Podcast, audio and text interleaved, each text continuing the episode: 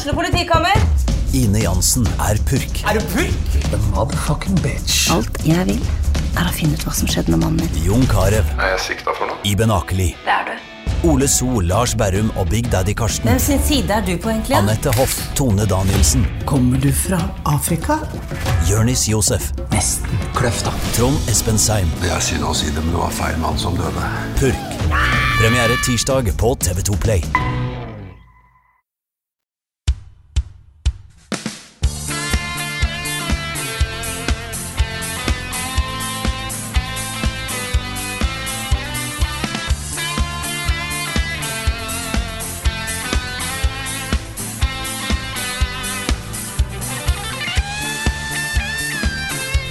Vi starter i dag med en eh, breaking news announcement. Vi i Level Up har nemlig tenkt å komme med Level Up-kart, som skal Ja. være i samme 3D-stil som en kunne få på Megadrive. Mm. Ja. Sånn Megadrive, sånn, sånn som Super Nintendo også hadde. Sånn der eh, mode, mode 7 3D. Ja. Sånn som i F-Zero og sånn. Mm. Med da kjente figurer som, eh, som eh, Bjørn Magnus Midthaug, um, uh, Max Mekker. Eh, Ja. Eh, vi har en Buff Kitten-figur. Det stemmer. Vi har allerede, vi har allerede satt i gang prosessen med å nerfe Nick. Ja, Yes. Eh, viktig. Viktig å nerfe Nick. Carl og Rune koster eh, 3000 eh, in game currency å kjøpe. Mm. Og in game currencyen er bæsj. Det er bæsj, ja. Mm. Så det er er 3000 sant. bæsj, så kan du kjøpe Carl og Rune. Eh, og Ja. én bæsj er ca. 10 kroner. Cirka 10 kroner. Men du Ja. kan også grinde deg opp til level 120 i spillet. Ja, det tar 14 år. Ja, ca. 14 år, og da i timer så blir det vel da ca. 30 000 timer, tror jeg. Ja, sånt. Ok, For den å- hoderegninga takker jeg. Nei, ikke jeg heller. Det er litt for tidlig på morgenen til sånt. Mhm. Men, eh, men, men ja, det, det er fullt mulig å grinde, så ikke klag på at vi skal ha pengene dine. Altså. Mm. Så bare til å glede seg. Denne blir sendt ut på diskett Ja, Og faks. og fax. og faks, ja. Velkommen til podkasten Level Backup med meg, Frida Danmo. Med meg i dag har jeg Karl Martin Hogsnes og Rune Fjell Olsen. Hallo, folkens. Hallo, Frida. Det begynte som en referanse til Bloodborne-kart, og så ble det på en måte Chocobo GP. Ja. Jeg får lyst til å lage det spillet her, jeg nå. Ja. Mm. Hvis noen har lyst til å lage level up-kart, så må de gjerne gjøre det. Ja, altså. gjør, gjør dere, får, dere får lov av oss. Ja. Sjekk, sjekk med om vi kan bruke Max Mekker, kanskje. Men, Ja, uh, det er kanskje lurt. Ja. Også, Også det, det med mikrotransaksjoner, det var tull. Det var veldig tull. Ikke legg inn det. Nei. Vi kan kalle, vi kan kalle det liksom pa Patrion uh, eller noe sånt, ikke sant? For å slippe unna med det. Ja, mm. Ja, Ja. kanskje ja nå er vi, Nei, jeg tror jeg bare sitter på lagt noe, noe vi ikke Hadde vi noen gang lagd et spill, så hadde det ikke vært mikrotransaksjoner. Nei, da. Da kan vi, da kan vi nesten love. Mm. Oh, nei, men eh, hvordan går det med dere ellers? Dere var jo gjester i en podkast denne uka her. Ja, det har kommet en ny podkast som heter Gå live. Mhm. Det er da Aslak Maurstad, som uh, også er kjent som Klokkismann på Twitch, som, som har den podkasten. Og uh, vi får jo en del sånne forespørsler om å bli med i, i diverse greier, podkaster, og vi gjør alltid litt research. Og dette starta med at han raida uh, vår stream. Ja, mens Rune spilte Elden Ring. Stemmer. Uh, og spurte om jeg hadde lyst til å være med. Og vi, det- jeg må innrømme at vi følger ikke så godt med, så jeg hadde ikke helt fått med meg hvem han var og hva han lager og sånne ting. Så jeg sa liksom ja, med, med forbehold om at du ikke er en sånn person som vi ikke kan liksom, Ikke sant? Som snakker om ting vi Det er mye rart på Twitch. Ja, det er mye Ja. rart. Så, så hørte vi gjennom. Han hadde jo da en episode ute med Thomas Paste. Den var kjempebra. Jeg, syns, Kjempebra. eh, jeg, jeg må si at han eh, Aslak er en utrolig god intervjuer. Mm. Uh, hvor eh, hvor det, det var veldig lett å takke ja til å bli med, da. Så, så er det jo litt koselig da, å sitte og snakke om seg selv på den måten. Mm. Det er jo det. det, er jo det. Mm. Vi fikk eh, prata om alt fra historien vår til kattevaksiner til alt mulig greier. Jepp. Det er jo en podkast som handler om, om da å streame. Ja. For de som er, ikke er kjent med podkasten. Eh, så dere kommer med litt tips om eh, tips og triks, og litt info om hvordan vi gjør det, og, og sånne ting, da. I tillegg. Ja. Den ligger ute litt sånn overalt. Gå live. Det var også litt morsomt. Vi, den ble jo spilt inn på House of Nerds. Og eh, den personen som er eh, kreativ leder på House of Nerds akkurat nå, er jo Andreas Hedman. Mm. Kap Kaptein nederlandslaget. Mm. Ikke sant?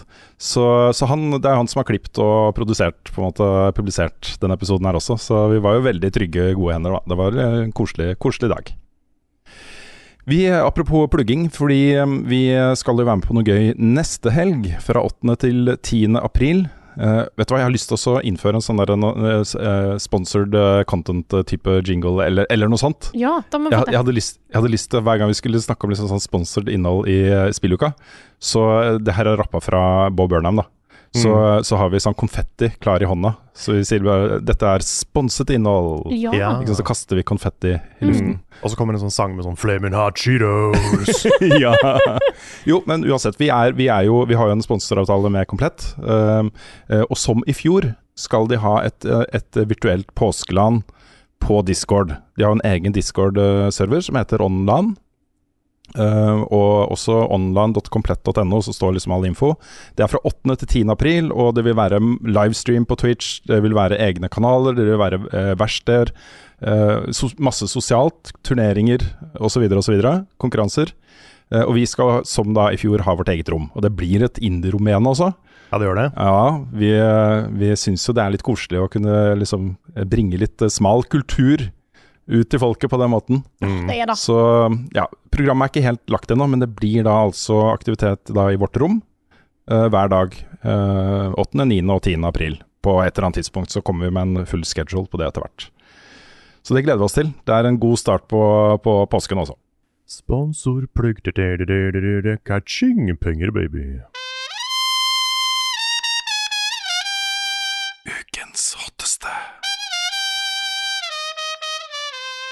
Har endelig PlayStation dratt vekk forhenget for det som blir den nye PlayStation Plus-tjenesten. Denne har jo flere tiers og skal tilby mer innhold for og da mer penger. Men nå er altså avdykkinga endelig gjort, eh, og denne kommer snart. Juni. Ja. Juni. Juni, det stemmer. Vi kan jo kanskje ta elefanten i rommet aller først. Det er ikke like bra som GamePass. Nei, det, det er jo ikke det. er ikke Eh, vi eh, hyller jo GamePass mye. Eh, og mye av grunnen til at vi gjør det, er jo fordi alle Microsoft First Party eh, storsatsinger kommer jo dag én på GamePass. Så sånn sett så var det jo helt vill value for money. Mm. Nå skal vi ta en diskusjon litt etterpå da, på om det egentlig er sunt for spill som, i lengden. eh, og om det hadde vært sunt for Sony å gjort det samme. Det hadde han nok ikke. Nei, men sånn forbrukermessig, eh, value for money, eh, er, er jo på en måte det et, eh, et stort salgsargument da, for Microsoft. Så Vi kan jo begynne med litt, eh, litt hva den tjenesten faktisk er. Og den er jo akkurat det som har blitt uh, sagt i rykter over lengre tid. Dette kom jo uh, i fjor høst, var jo allerede Jason Schreier ute og uh, beskrev akkurat den tjenesten som nå kommer.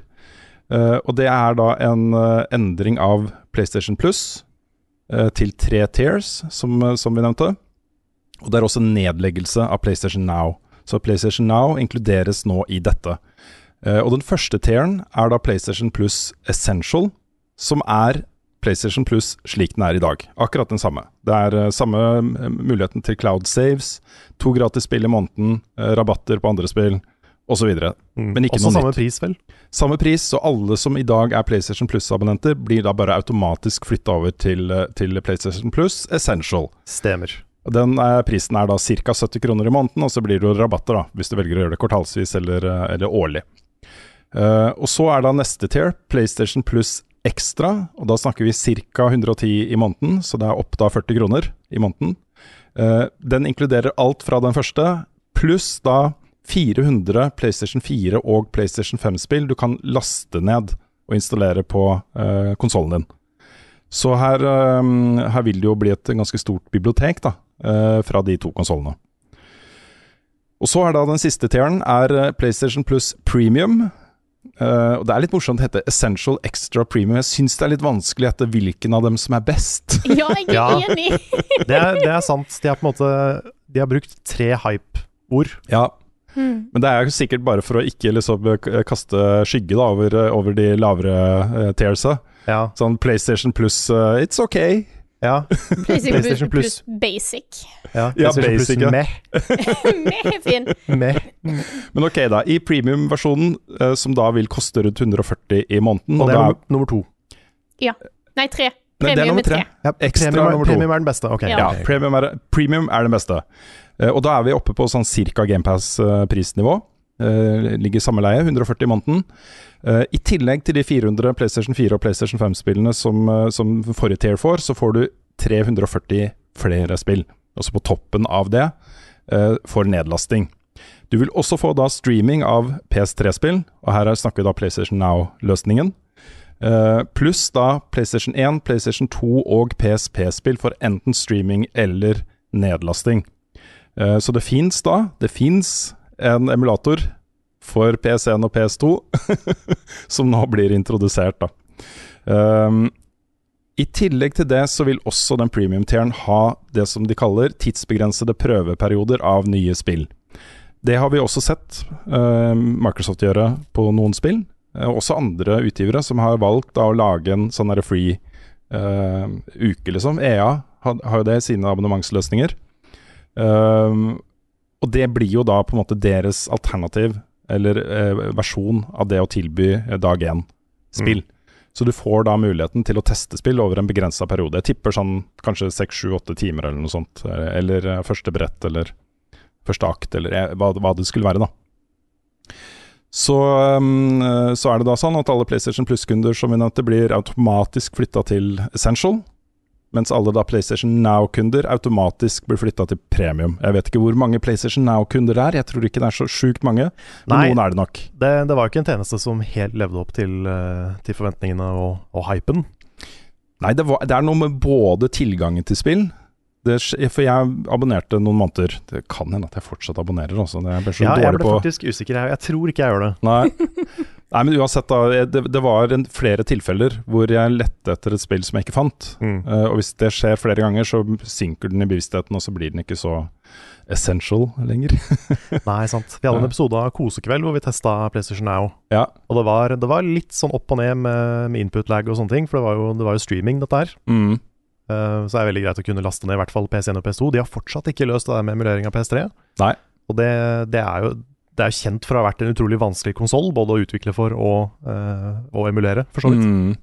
Så um, spent på om de noen gang kommer dit, om de noen gang klarer å liksom emulere PS3. Ja, nå, nå, spør jeg kanskje litt i gråsonen, men fins det ikke emulatorer av PlayStation 3? Jo, det gjør det på PC. Ja, jeg, vet om, jeg, vet ikke hvor bra de er nå, men jeg tror de, de klarer å kjøre noen spill. Ja. I'm just saying. Just saying. mm. Mm. Uh, dette er nok en tjeneste som kommer til å utvikle seg mye over tid, som også GamePass har gjort. Uh, og en av de store tingene som, som kan bli endra, er jo dette her med lansering av, av førstepartsspill, altså Sonys egne spill, dag én, som de har valgt å ikke gjøre. Det har vært et intervju da med Jim Ryan, en av toppsjefene i PlayStation, uh, om akkurat dette, hvor han sier at hvis man hadde tilbudt Eh, disse store satsingene deres på dag én, så hadde det brutt en syklus som de mener er veldig viktig for PlayStations uh, suksess. Og den syklusen er um, investere masse penger i et spill, bruke mange år på å utvikle det spillet, lansere det, tjene masse penger, investere de pengene igjen i et nytt spill, altså det neste spillet. Uh, og den syklusen brytes uh, i det øyeblikket hvor, um, hvor den blir kunstig um, finansiert. Da. Fordi det Microsoft gjør, er jo å bruke av de gasillionene, altså det er sånne fantasisummer de har på konto, mm -hmm. for å kompensere da disse teamene for at, uh, at uh, salget, altså det fysiske salget, går ned ved å tilby det gratis til abonnenter av GamePass. Uh, den muligheten har bare ikke Sony. De har ikke de pengene tilgjengelig, liksom. Og den investeringen er sjuk, også. Uh, og det er det akkurat, akkurat det samme, den samme problemstillingen vi ser på Spotify og Netflix og HBO og alle disse streamingtjenestene. Du har en kurve med antall abonnenter, betalende abonnenter. Og på et eller annet punkt da, en gang i fremtiden, så er det så mange abonnenter at det lønner seg, liksom, å lansere det der. Fordi det er mange nok. Uh, og det, jeg tror det er ingen av de tjenestene som er der i dag. Det kan hende at kanskje Netflix og, og de største sånn TV-streaming har funnet en økonomisk modell. Jeg tror det er mye produktplassering og den type ting i disse seriene. men, eh, men, eh, på spill og GamePass aldri i verden, altså. Sa ikke Microsoft at de har var det 25 millioner abonnenter eller noe sånt? 25-30 millioner ganske nylig av GamePass. Ja, det er ganske høyt tall. Mm. Men det er, fortsatt, det er fortsatt Det skal jo spres da, utover utrolig mange spill. Ja. Mange av disse spillene er jo sjukt svære, liksom. Ja, og så er det, jo altså hvert spill er jo dyrt. Ja. Det er dyrere enn GamePass, mm. liksom. Så det er et regnestykke jeg er veldig spent på. Så mm. hvordan får de det til å gå opp, eventuelt etter hvert, da? Ja. Fordi åpenbart så funker det ikke for Sony, fordi, det ikke er, eh, fordi de ikke kan tjene på det. Mm.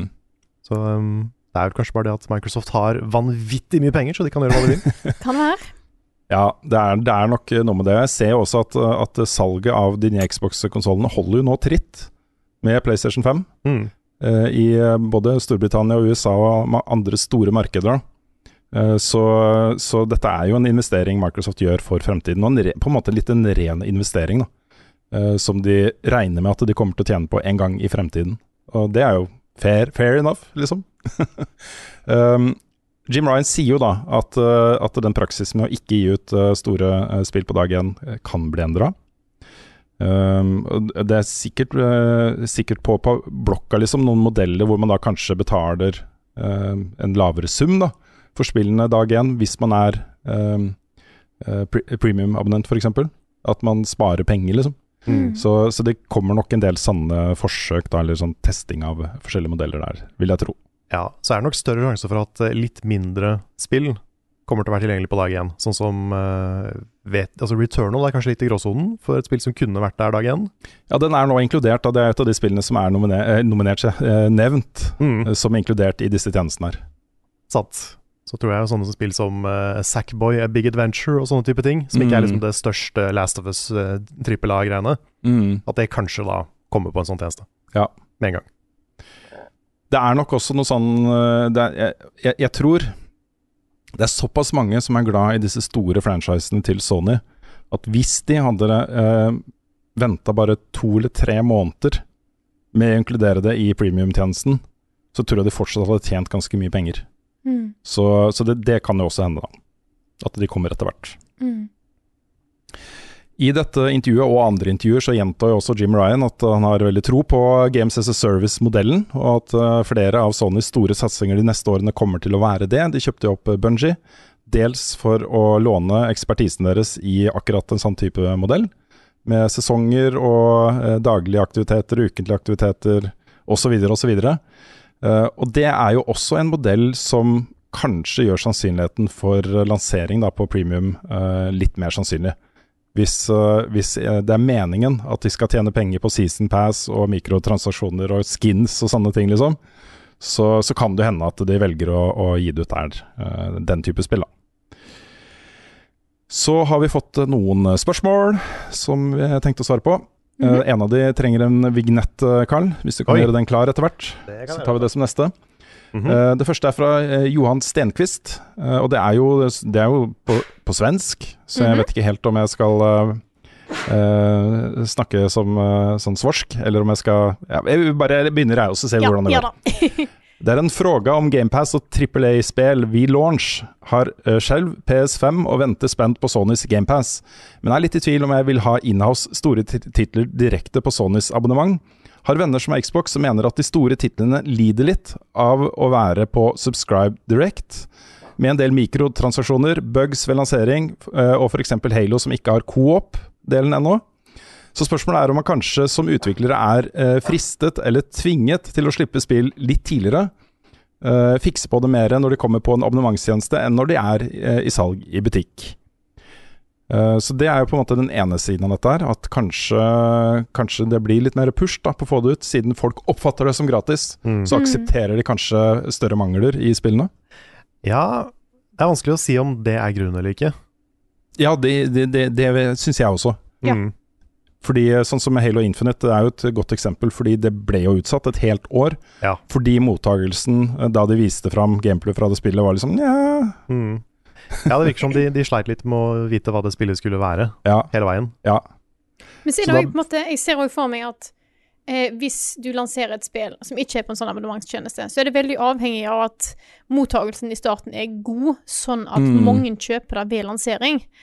Men hvis det kommer ut på en abonnementstjeneste, så er det på en måte Jeg håper å si uansett hvor bra eller dårlig det går, så tjener Microsoft ikke det samme. Men det er jo ikke helt sånn det funker å tenke, men det, det, det er liksom Kanskje noe sånt, da. Det er Ja, vanskelig. de Nå er det sikkert- mye synsing her, altså. Det da. Ja, de, de måler det sikkert i nye abonnenter, vil jeg tippe. Ja. Sånn hvor, hvor mye har abonnementstallet gått opp når dette spillet har blitt lansert? Mm. Mm, Hvordan har dette påvirka tjenesten vår? Men det er jo Spillbusiness er jo en sånn vegg det er umulig å eh, se innafor. Det er kjempevanskelig. Og det, sånn som det fungerer på Spotify, så er det sånn at du får jo betalt for antall strømminger. Så da, da er det jo en, en, en, eh, deling, da, av, eh, også en inntektsdeling som, som, på en måte er rettferdig med tanke på popularitet.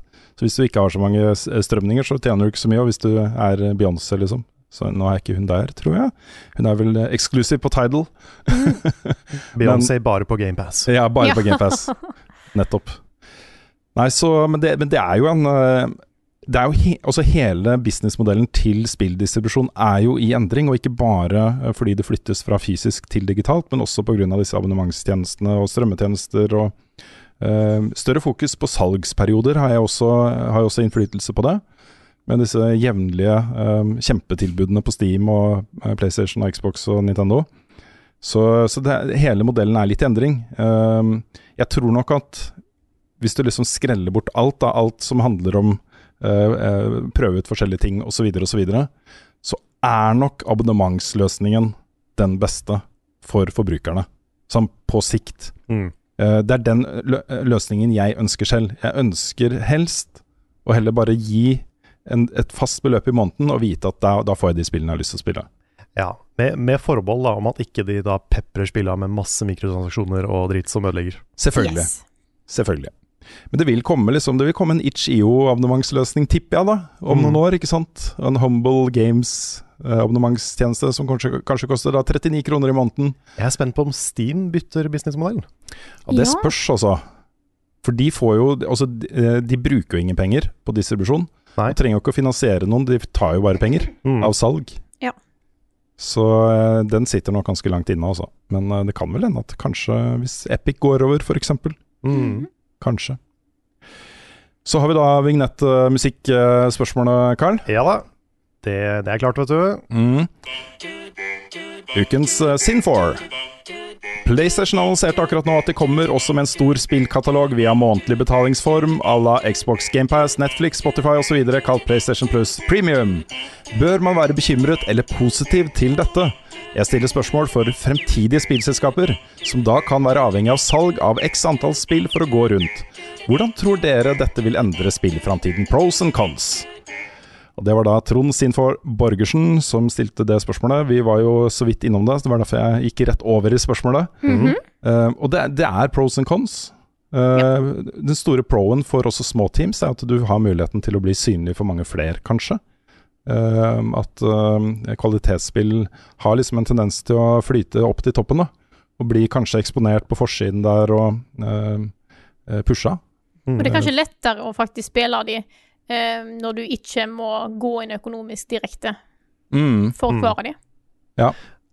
Så er det nok en, et bra eh, økonomisk insentiv til å takke ja til en sånn avtale for å være eksklusiv enten på GamePass eller på PlayStation Plus. da. Mm. At de, de må jo kompensere deg for uh, tapte salg og sånn, så jeg regner med de avtalene i hvert fall at det er litt penger i det.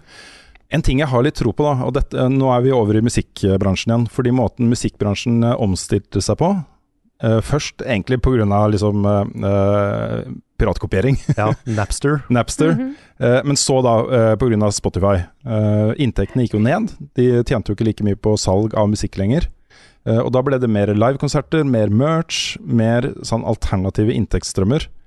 Og jeg merker det med spill. Når jeg spiller et spill, også et lite indiespill som jeg blir fryktelig glad i, så har jeg lyst på den T-skjorta, liksom. Eh, jeg, har jeg har lyst til å på en måte eh, støtte utviklerne. Eh, Det, det blir på en måte en, litt viktig for meg, da. Og det har hendt at jeg har gått ut og oppsøkt liksom, merch-butikken til uh, små indiespill og kjøpt T-skjorta deres. Um, og det, det er jeg, jeg ser litt for meg at liksom butikksiden, da, eller s- s- GamePass og PlayStation Plus-siden til spill, kan inneholde det, da. Mm. Ikke sant? Eh, eh, prints, art prints fra spillet, T-skjorter. eh, sånn deluxe, deluxe edition på en måte items da som du kan kjøpe ekstra, og de pengene går rett til utvikleren. Ja, det er, det er litt som å se hvordan eh, GameStop har blitt. Ja. For det, er jo, det blir jo nærmere og nærmere en Outland-butikk, egentlig, hvor det er eh, mest merch. Mm. Men det er, eh, det er jo eh, cons, liksom. Altså, eh, det, det er klart det er det. Mm. Um, og det Det er litt vanskelig også å si hvordan man skal unngå de, de fallgruvene. Eh, det at man eh, får så små smuler av den totale omsetningen at det ikke går rundt. Det er nok en reell fare for mange, og særlig i starten og særlig i en overgangsperiode.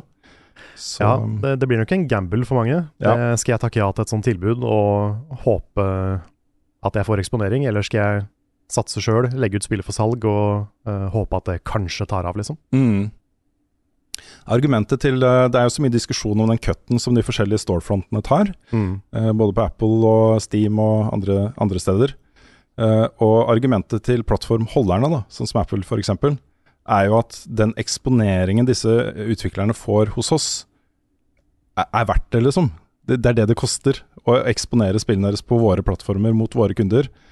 Eh, Det tar vi en cut for, fordi salget går opp. Også du får et større salg av å ha den eksponeringen. Så, um, så det er argumenter på begge sider der også. Um, men, jeg, men jeg tenker at det nok blir viktig da, å finne en eller annen modell hvor, hvor de mindre utviklerne uh, får litt kunstig hjelp i en overgangsperiode. Um, at, at det blir noen uh, modeller der hvor, hvor for, det, for det er så viktig for mangfoldet. Jeg tror også de store uh, plattformholderne skjønner det.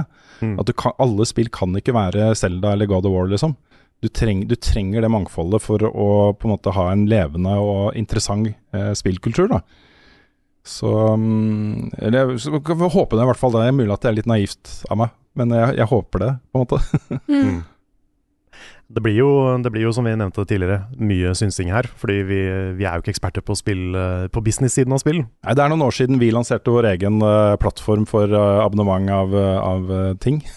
Det er en god stund siden. Ja, Yes. det begynte å glemme, glemme litt, vet du. Ja, gjør det. Det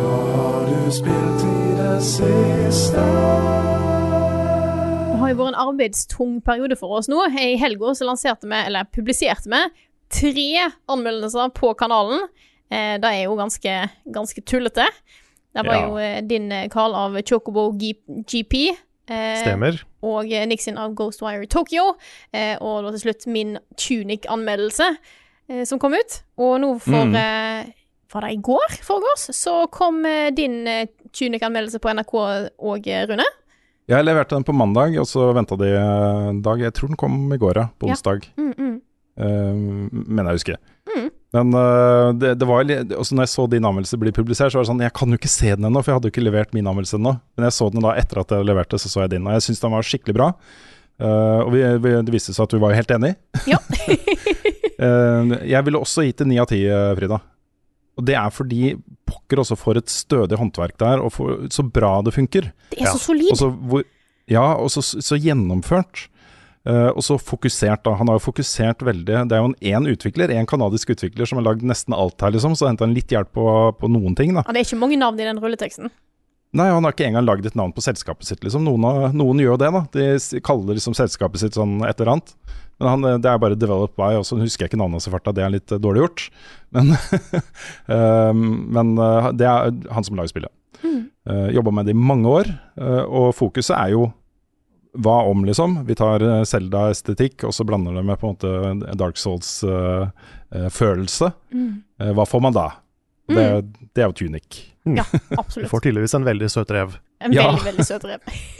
Jeg elsker også En av de eh, små grepene som jeg elsker, er hvordan eh, hvor også hodebevegelsene til reven. Som hele tiden går rundt og så ser på ting som, som eh, skjer på kartet. Og hvis det dukker opp liksom et eller annet uh, spennende på, over en eh, vegg liksom, uh, borti der, så kikker han opp på den. Og det er veldig kult, altså. Mm. Jeg syns det er veldig sånn sjarmerende, sånn floppete animasjon. Ja. Ja. Hvor, hvor den lille sveisen, sånn liten sånn krøll eh, som man har på, på huet, og halen liksom hele tida bouncer opp og ned når han, når han løper. Mm. Det er veldig, veldig cute. Og så er jo dette Tunic er jo et spill som er på en måte også bygd rundt uh, den følelsen av oppdagelse og undring, og hva skjer hvis jeg går dit, og hva finner jeg der, og hvordan kommer jeg dit, og hva skjer hvis jeg trykker på den tingen her, og hva, å, det kommer en stige, liksom, hvor kommer jeg da, å, nå er jeg tilbake der, altså det er hele tiden da. Mm. Også disse her instruksjonsmanualsiden eh, man finner også, Mm. som Ja, blir, de, de er utrolig kule. ja, det er kjempekule. Jeg vil ha den boka! Ja, ja de, må, de må selge den boka. Ja. Jeg tatt og tenkte Så- på sånn, å, tenk, jeg kunne kjøpt Tenk om de selger spillet med fysisk bok, og tenkte jeg det er en skikkelig dårlig idé, for det ødelegger jo hele, hele på en måte, å oppdage den boka. Men jeg vil bare, jeg vil bare ha den. Sitte og bla litt. Igjen. Mm. Kanskje en litt sånn der, Fordi dette er jo liksom sånn ancient informasjon da, som kommer i den boka, ikke sant? Ja. Litt sånn der museumsverdig. Kanskje den skulle kommet ut i en sånn pergamentform, eh, litt sånn slitte sider og, Mm. og sånt. Mm.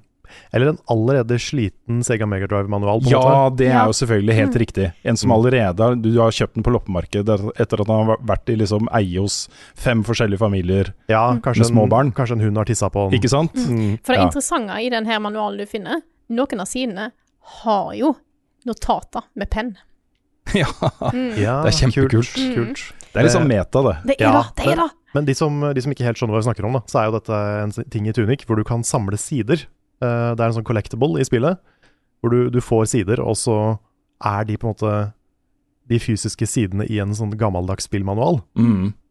Uh, så det er på en måte sånn spillet gir deg opplæring, da. Ja. For det, det er langt fra bare en uh, optional collectible, for å si det sånn. Det er de Mm. sidene trenger du. Ja, de må Mm. du ha. De må du ha. Nei, så Nå har vi allerede snakka om Tunic uh, ganske mye i forrige uke også. Um, men nå er da altså våre to anmeldelser ute. Eh, du har også spilt det, Carl. Vi er fans, hele Yes. gjengen. Og nå, Det nå har det vært ute litt, så nå vil jeg si dette her. Eh, Det er, det er ikke spoiler å si det, eh, så jeg skal, det går fint. Og jeg bare Etter hvert som jeg kommer ut i spillet, så får en vite om noe som heter The Golden Path. Gjør det. Hmm. Jepp. That's, uh, right. that's, it. Jeg fortsetter med et par andre nye ting jeg har spilt. Veldig gjerne. Og det ene er jo Altså, det var så deilig. Det var så deilig etter liksom um, det, det andre store spillet vi har brukt mye tid på um, de siste ukene. Å sette meg ned da med en gammel favoritt og gjenoppdage hvor bra det spillet er. Og jeg snakker om Returnal Ascension. Denne gratis delscenen som har kommet til det spillet, som både da introduserer co-op tvers gjennom hele greia. Du kan spille hele spillet i co-op. uh, og en ny uh, game mode som heter um, uh, Tower of Sisyphus. Tower of Sisyphus. Som jo er en sånn endless uh, mode, på en måte. Også det er bare tårn på tårn, altså høyt tårn. Med etasje på etasje på etasje på etasje på etasje, med et stadig tøffere motstand. da. Eh, og jeg satte meg ned med det og spilte ett run, hvor, hvor jeg spilte til jeg ikke kom lenger. Eh, det er den videoen som ligger bak her, og så kommer det noe annet etterpå. Kanskje noe Destiny eller noe sånt, jeg vet ikke. Eh, og det, også, det er altså så bra, altså. Uh, føles så godt å sette meg ned med det spillet igjen. Og det, det er helt vilt hvor kult de har designa det tårnet her. Eh, og det endrer seg, ikke sant. Jo høyere du kommer, så endrer miljøene seg, og ting, fiendene og alt mulig rart bare blir annerledes. Eh, samtidig som du kjenner igjen all den godfølelsen fra, fra grunnspillet. Og så er det en del nye law her, eh, og det er den ene biten som jeg er litt usikker på, fordi jeg var en av de som, som, eh, som elsket den der tvetydigheten i historien i Returnal. Jeg syns det var en eh, feature, ikke en bug.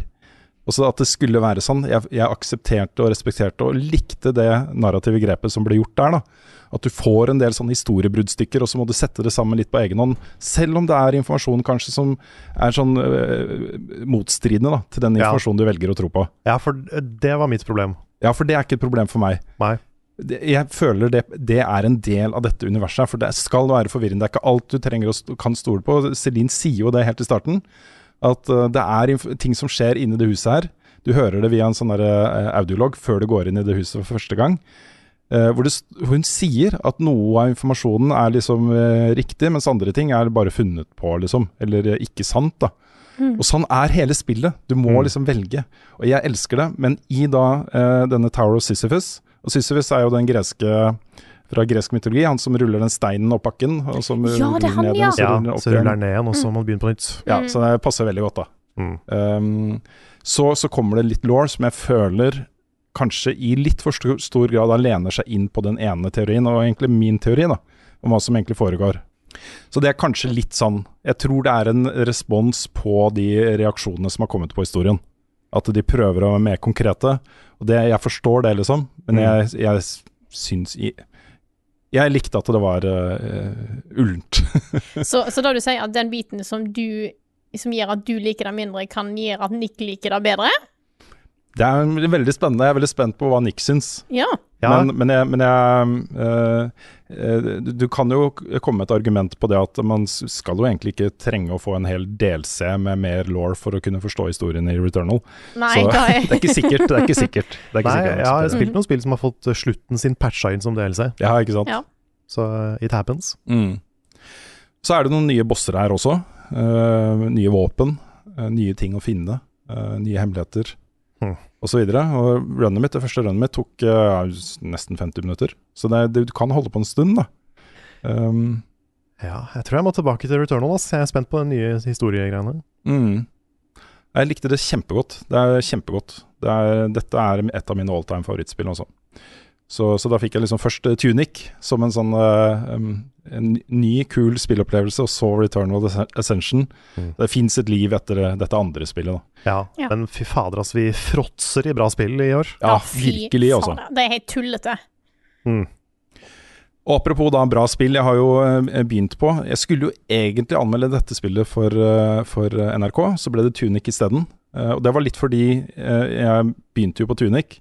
Og sånn, vet du hva, Jeg syns ikke NRK bør gå glipp av det spillet her. Jeg, jeg syns NRK bør ha en anmeldelse av dette her når vi kommer på tampen av året og, og peker tilbake på sånt. Så jeg anbefalte de da å velge Tunic istedenfor Norco. Jeg er litt usikker også, for Norco er jo en sånn um, uh, utforsking av spillmediets ytterkanter som jeg setter så utrolig stor pris på. Uh, og dette er også viktig, føler jeg, da, å få fram til folk, liksom, at dette spillet eksisterer. Uh, og jeg har snakka ganske mye om Norco tidligere, men dette er altså en slags da Uh, tilbakevending til klassisk pek og klikk fra midten av 90-tallet. Uh, men også en litt sånn dekonstruksjon av hva pek og klikk-spill er. Jeg kjenner igjen en del elementer fra, fra uh, andre indiespill. Det er litt sånn Deltarune-ish, uh, um, eh, bosskamper og den type ting. Jeg får litt Disco Elysium-vibes av det også. Ja, men Disco Elysium og Norco er beslekta, føler jeg da. Men det Mm. handler me- først og fremst om narrativen, måten historien fortelles på, og eh, hvor annerledes den er. Også hvor, hvor eh, eh, sterkt fokus det er på å fortelle en historie som ikke ligner på andre historier du vanligvis møter i spill. da. Og dette her er jo, Det har så mange elementer som er så kult. Også. For det første så er det jo et bra pek og klikk adventure-spill. Med gode puzzles og mye av de samme frustrasjonene man kjenner fra sjangeren.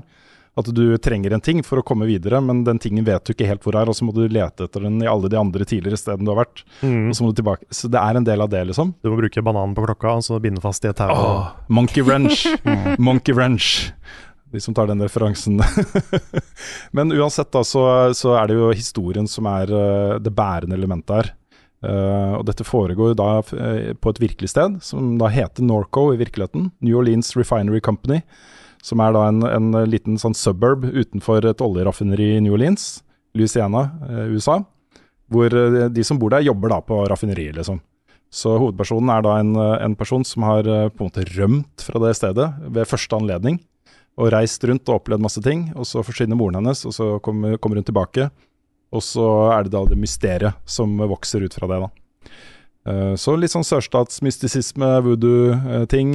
Du har eh, filosofiske androider i bak, eh, bakgården. Det er masse shady karakterer og, eh, og bensinstasjoner med, med kjipe folk bak disken. Det er så mye, da. Mye sånn kule greier, liksom.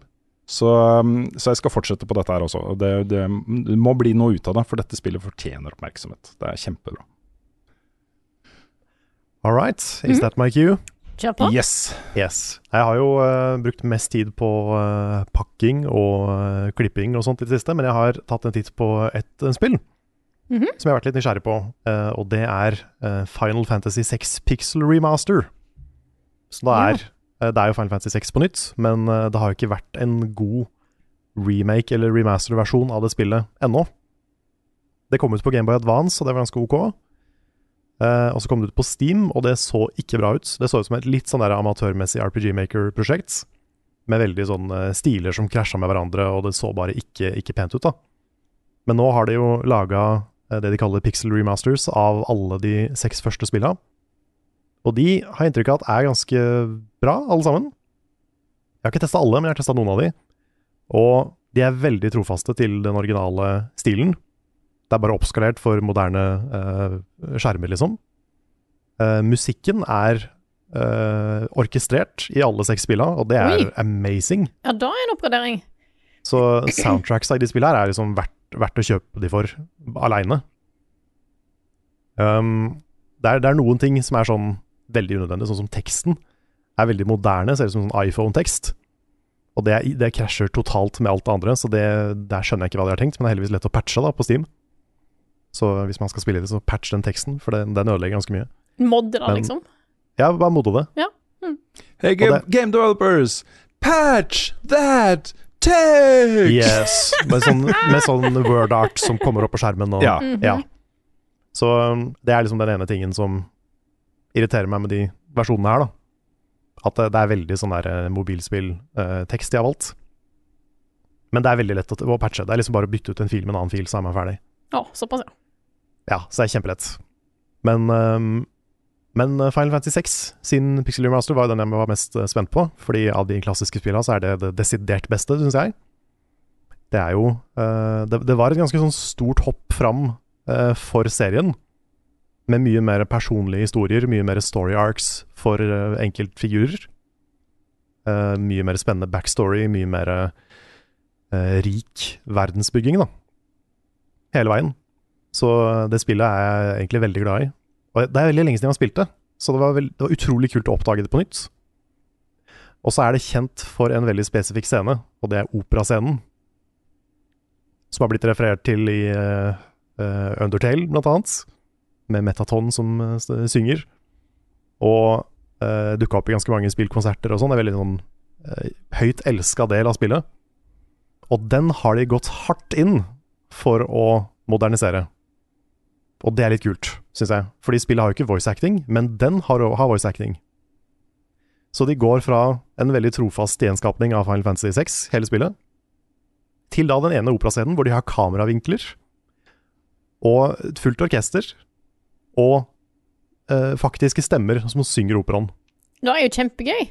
Det er kjempekult! Ja. Det er så kult! Og det, det er jo folk som er litt sånn purister, som er litt misfornøyd med Ok, hvorfor har de valgt den stemmen, hvorfor har de gjort sånn og sånn Ja, og sånn. ja, ja. Men jeg, jeg syns det var dritbra.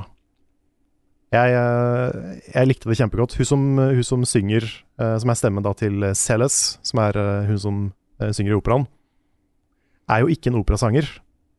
Men det var også et bevisst valg, visstnok. Fordi i historien så er jo heller ikke hun en operasanger. Hun er stand-in for en ekte operasanger. Så de har på en måte Jeg syns de, de klarer å rettferdiggjøre det litt sånn narrativt, da. Mm. At ikke det er 100% opera, men det er en, en dame som gjør så godt hun kan, liksom.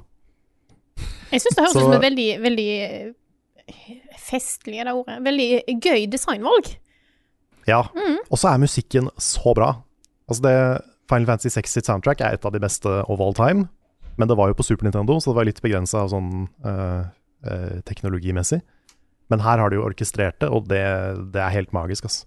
Jeg syns jeg ser det på plakaten eh, foran liksom operaen. Det er en ny, ny oppsetning av et eller annet med da en, eh, et navn, og så står det bare under 'Hun gjør så godt hun kan'. Ja. det er ikke, altså, hun synger ikke stygt, altså. Det er bare at hun synger ikke opera. Hun synger Mm. litt mer, Ja. ja, litt mer vanlig. Mm. Så, men jeg, jeg likte det kjempegodt. Så jeg syns det de har gjort med det spillet De har endelig gitt det på en måte den respekten det fortjener, da. Ikke smelt sammen en sånn der billig mobilport, men faktisk gjenskapt det så godt de kan. Og det er jo ikke en remake, det er 100% en, en HD-remaster, liksom. Mm. Det er widescreen, og det er litt moderniserte mechanics her og der, og, og sånn. Men det er det samme spillet. Og det er, i hvert fall så vidt jeg kan se, foreløpig, den beste måten å spille det på. Og jeg har savna en god PC-versjon av det spillet. Så um, nå har jeg ikke kommet meg gjennom det, ikke i nærheten engang. Men jeg, eh, så langt er jeg kjempefornøyd med hva de har gjort med, med det spillet. Og det, er- dette er et spill jeg er glad i, så jeg, har, jeg var ganske kresen. Mm. Så um, det er noen, Jeg liksom registrerer at noen er misfornøyd, men jeg vet ikke hvorfor de er misfornøyd. Jeg har ikke helt kommet til de bitene som eventuelt folk ikke liker, da. Mm. Men foreløpig er jeg drit, dritfornøyd. Her kommer nyheter med Rune Fjell-Olsen, og han har ikke hår. Er det kanskje mange som reagerer på at vi først kommer til denne nyheten nå? Um, en god, et godt stykke ut i podkasten, men det kommer jo da en oppdatering fra Nintendo på fremdriften til eh, det nye eh, Breath of the Wild-spillet. altså Breath of the Wild 2, som ikke kommer til å hete det. Som da er utsatt til 2023. Utsatt til 2023. Det stemmer. Mhm. Til våren 2023. Ja. Vi, eh, ja, for det første, jeg gleder meg jo veldig til det spillet. Mm. Men jeg syns det er helt greit. Ja. Ta, ta den tida dere trenger. Eh, Ja. De utsatte jo Breath of the Wild 1 mange Mm. ganger. Eh, og Nintendo tror jeg er opptatt av å levere kvalitet på disse store spillene sine. Eh, Og da at de tar seg litt ekstra tid, kjør på. Det gir jo òg kåringen av Game of the Year hos oss veldig mye enklere, sannsynligvis. Sånn at da er Ja. jo Jeg så tenker jo litt, litt på det. Da blir det, det er kanskje, kanskje greit at ikke vi får både Elden Ring og Breath of the Wild 2 i samme, samme år. Nei, da Mm. blir det heller God of War eh, og eh, Breath of the Wild 2 Ja, i samme år sant. istedenfor. Og, Ja. som, eh, og som Shigeru Miyamoto en gang sa Hvem er du, kom deg vekk fra eiendommen min. ja. Men dette er jo uh, helt greit. Og jeg, som du sier, Frida, altså jeg kan ikke huske at Nintendo noen gang har gått på en sånn derre Nei, dette spillet burde ikke blitt lansert for det, så ever. Kommer dere på noen? Det var jo Hva spill var Det var vel et Zelda-spill som hadde en game-breaking bug. Hvis du gjorde et eller annet spesifikt, så ble du Ja, det er låst. sant. Det er sant. Og da Ja. unnskyldte de seg jo for opp og ned i mente, for dette var jo før du kunne patche spill. Da Det er var Skyward Sword, det. det var Skyward Sword, ja. Ja, det var en av de Hvis du gikk til en av de dragene for tidlig eller noe sånt, Mm. så kunne du faktisk uh, låse deg ut av progresjon. Ja. Nei, men uansett, bare gjør det spillet så bra som det kan få blitt dere, så eh, blir alle fornøyde. Ja, Men det var jo litt, litt ny videofootage der òg, Ja, hvor mm. vi fikk se at de har, de har ødelagt The Master Sword. men det er liksom Det er litt kult, for at du ser, all- har allerede sett at sånn Link har et eller annet sånn corruption eller et eller annet i armen sin, og nå er sverdet ganske likt. Jeg, jeg liker temaet her, jeg. Ja, det er et eller annet muffens. Mm. Så uh, mye en kan Embrace the darkness. Det er nok folk som har gått frame by frame eh, på det der et sånn to sekunder, og du får se Master Sword bare for å finne ut Ok, hva er det der for noe. Mm. Så Og så har vi jo en, eh, en ganske kjent da, norsk eh, spillutvikler som sitter og jobber med, med eh, play to earn-spill. Eh, Nærmere bestemt eh, spillet Axie Infinity, som er et av disse krypto eh, blockchain-spillene som har fått mest oppmerksomhet i verden.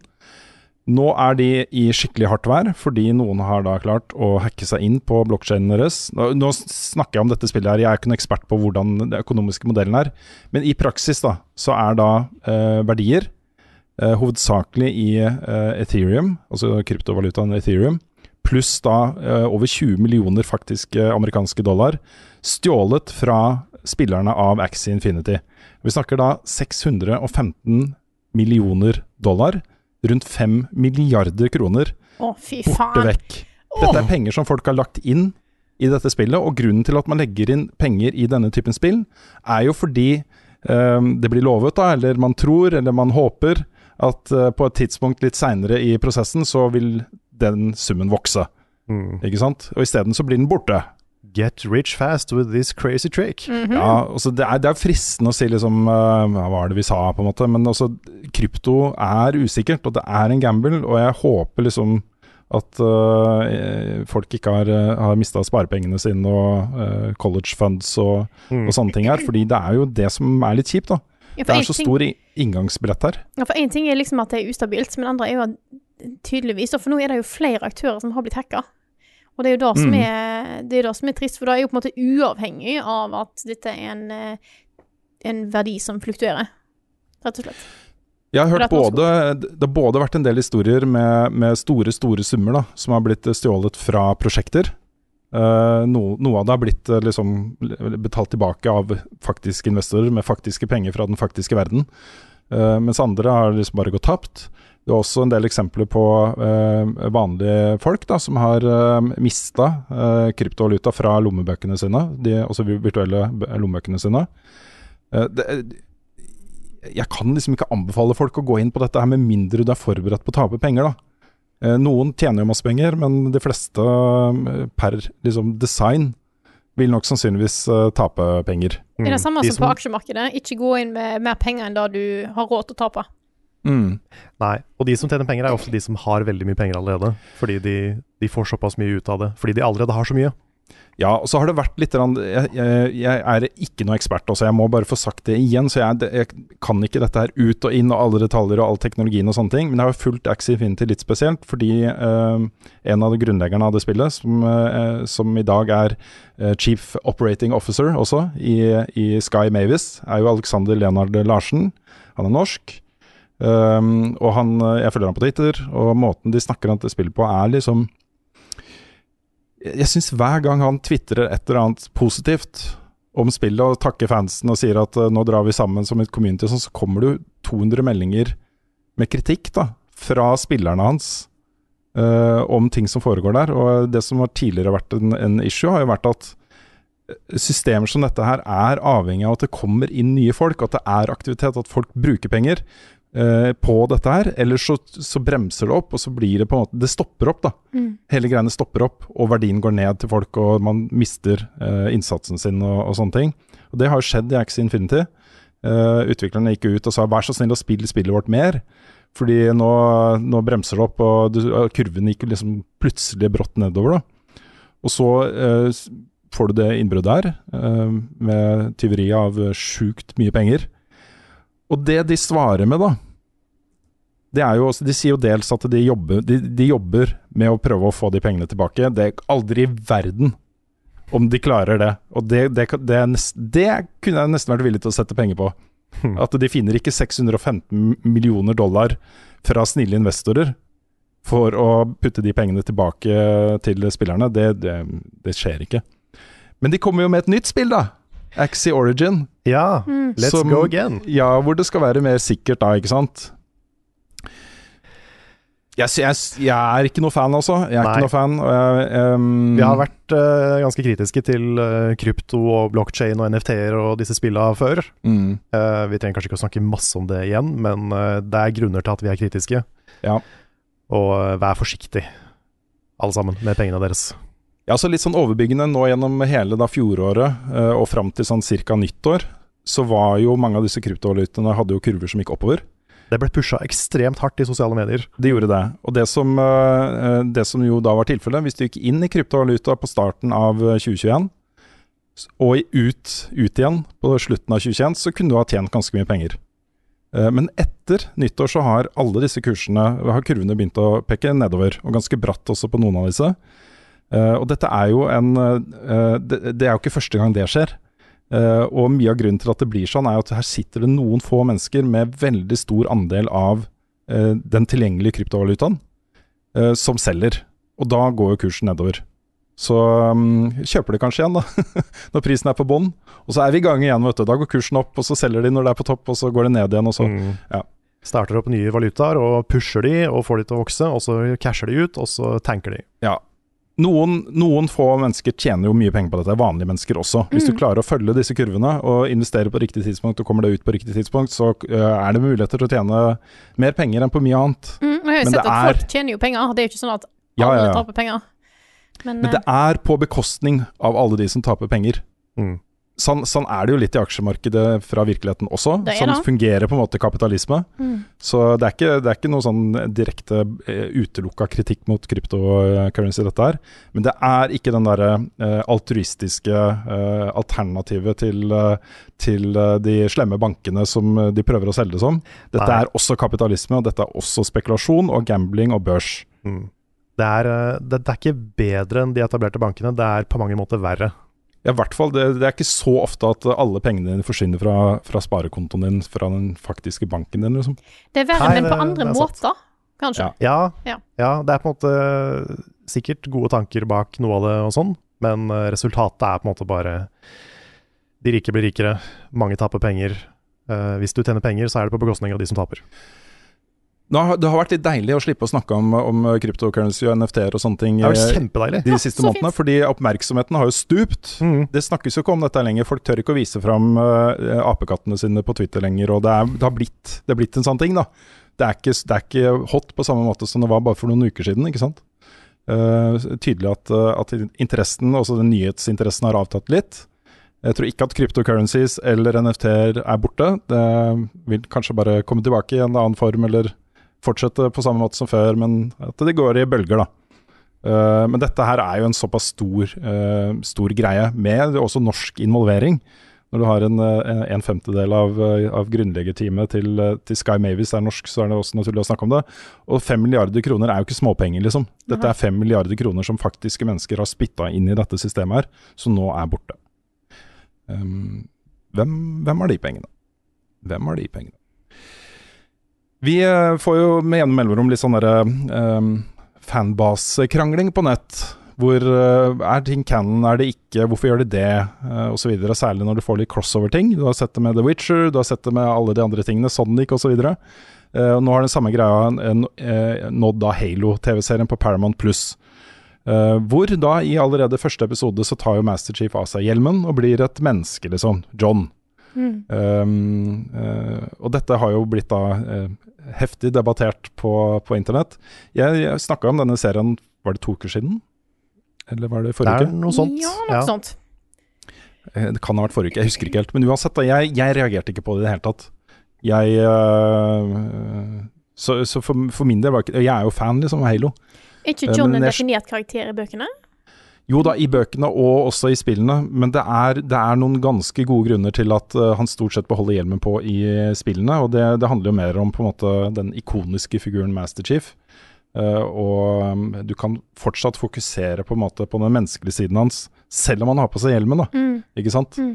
Uh, ikke så lett å gjøre det i en TV-serie. Narrativt fungerer det bedre da, at du har et ansikt. Mm. Eh, og så hjelper det at jeg likte det ansiktet. Jeg syns han skuespilleren er flink, eh, og jeg syns også han passer i den rollen. Han er liksom anonym på en litt sånn overbevisende Men du skjønner at det er noe der. Altså, dette er, ikke sant? Um, og menneskeligheten til Master Chief er jo på en måte et sentralt tema, eller ble i hvert fall det gradvis utover i, i serien.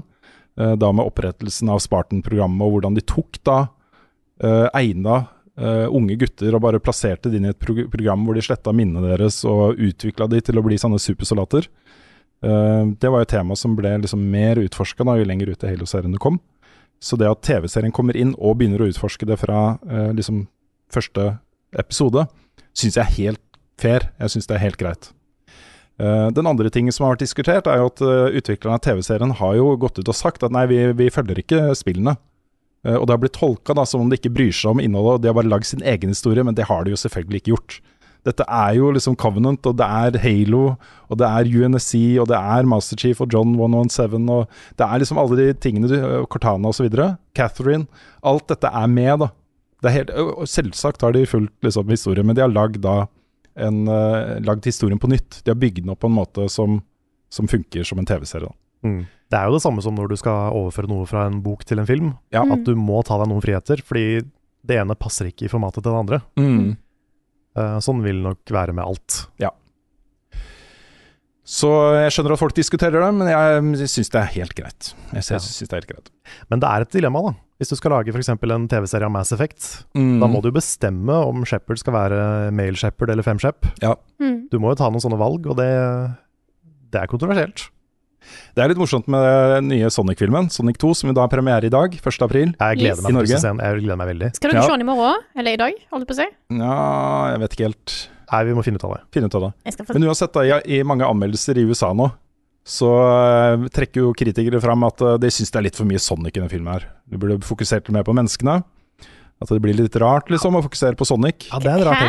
Ja, I en film som heter Sonic the Hedgehog 2. Ja, det er Yes. kanskje da fordi at det var veldig mye fokus på menneskene i den første filmen, Ja, kanskje det. men det er jo helt riktig valg å gå vekk fra de menneskene. Ja. Ja. Det er ikke de som er spennende. Det Nei. var de tammeste folk òg, noen gang. Det er, det er akkurat som, som menneskene i Transformers. Ja. For du drar ikke på Michael Bays Transformers for å se åssen det går med menneskene. Nei. Nei. Nei. Ja, det, da, Kanskje, da, noen, kanskje noen gjør det, men jeg gjør ikke det. Men jeg hadde skjønt det liksom hvis de mente at det var for mye Sonic og for lite, la oss si, Tales eller Knuckles eller et eller annet. Men hvis det er mennesker de er misfornøyd med, da er det sånn at du er på feil film. Ja. Men jeg har ikke sett filmen Kanskje selv. ikke i målgruppa. Kan jo være at jeg er fullstendig eh, på, måte, på deres side etter jeg har sett den. You never Mm. know. Ja. Men det jeg liker med Vi trenger ikke å snakke lenger om Sonic, altså, men det, det jeg liker med det jeg har sett, det lille jeg har sett av den filmen her, det er at uh, den første var på en måte Nå skal vi prøve å introdusere Sonic for et litt sånn allment publikum. Men den oppfølgeren her ser ut som den bare går all in på Sonic. Ja. Mhm. Nå skal vi liksom bare ha. Og Ja, og sånn Knuckles og Tails. Og Tails. Men sånn, nå skal vi bare liksom ha fanservice, og nå skal vi ha masse referanser til spillet, og nå skal vi bare kjøre full on Sonic law med Chaos Emeralds. Mm. Alt. Det er, det er litt gøy. Det, så er er, det det, er meg fornøyd. M- Måten de omtaler, eh, også filmprodusentene omtaler dette her på nå, er jo at eh, denne nye filmen er en del av et Sonic-filmatisk univers. Ja. Ja. De har allerede sagt at det er en treer på vei, og flere greier også, sikkert. Kan du ikke Eh, bare se en TV-serie- Kanskje Ja, det kommer en TV-serie med Knuckles. Ja, det gjør det. stemmer. Mm. Det hadde jeg glemt. Med Ja. Idris Elba Knuckles, faktisk. Ikke sant? Så, så det er litt, litt morsomt. da Dere, må jo, dere som liksom gamle Sonic-fans må jo synes dette er litt gøy, da. Ja, Ja. altså, jeg, det er ikke så viktig for meg at det er bra engang. Jeg bare synes det er morsomt at det fins. Ja. Så jeg kommer, til å, jeg kommer til å være der, uansett. Tenk når de introduserer Shadow, Frida. Ja, vet hva, da, da vet ikke jeg hva jeg skal gjøre med meg sjøl, altså. Da, da, han må jo komme i nummer tre. Nå har de allerede introdusert uh, Tails og Knuckles i nummer to. Mhm. Da må det jo være eh, Shadow the Hedgehog i film nummer tre. Da er på en måte bare sånn det må være. mm. Jeg føler det er helt naturlig utvikling her, faktisk. Ja. Og så må vi få liksom en, en Nolan-regissert Shadow the Hedgehog-film, ikke sant? Ja. In your dreams. det skjer ikke. Shadow Begins. Ja. Var hunden min så rolig, så skal jeg gi henne en eh, pinne. Ja. Så Ikke, ikke bare vanlig pinne, dette er, eh, dette er eh, tyggepinne av, med lam. Så det er brusk og lammekjøtt. Godispinne. Og hun elsker de. Rull, jeg ser det sånn rulla hud, er det ikke det? Ja. Jo, jo, jo. Rulla hud. Det, Det, er det beste hun vet. Det er den beste hun vet. Men ok. Um, jeg går videre, Ja. hvis det er greit. Det er fint. uh, nok Sonic for i dag. Nei. OK, greit. Vi skal over til en annen populær serie, denne gang fra PlayStation, nemlig uh, Ratchet and Clank. Eh, det har jo vært eh, GDC nå, Game Developers Conference i San Francisco. Hvor eh, det var et foredrag fra en lead designer i Insomniac som heter Mark Stewart, hvor temaet var Riven. Altså denne alternative dimensjonen versjonen av Ratchet, som var da en kvinnelig Rivet. Hmm? Rivet. Rivet, ja. Ja, du sa Riven. Sa jeg Riven. Å ja! Det er oppfølgeren til Myst. Det er oppfølgeren til Myst. Det er en annen serie. Jeg reagerte ikke på det, heller. Takk, takk Karl. Ja, beklager. Men uh, uansett, da. Uh, Rivet er jo på en måte Ratchets alter ego i dette universet, men da en kvinnelig på en måte, Lombax. Um, hvor da uh, Mark Stewart snakker om utviklingen av henne internt i Insomniac. Og Så kom det en lang Twitter-tråd. Det var litt morsomt å følge den tråden, fordi i starten så syntes jeg det var et interessant innblikk i utviklingen av Rivet. Fra da en person som heter Sam Maggs.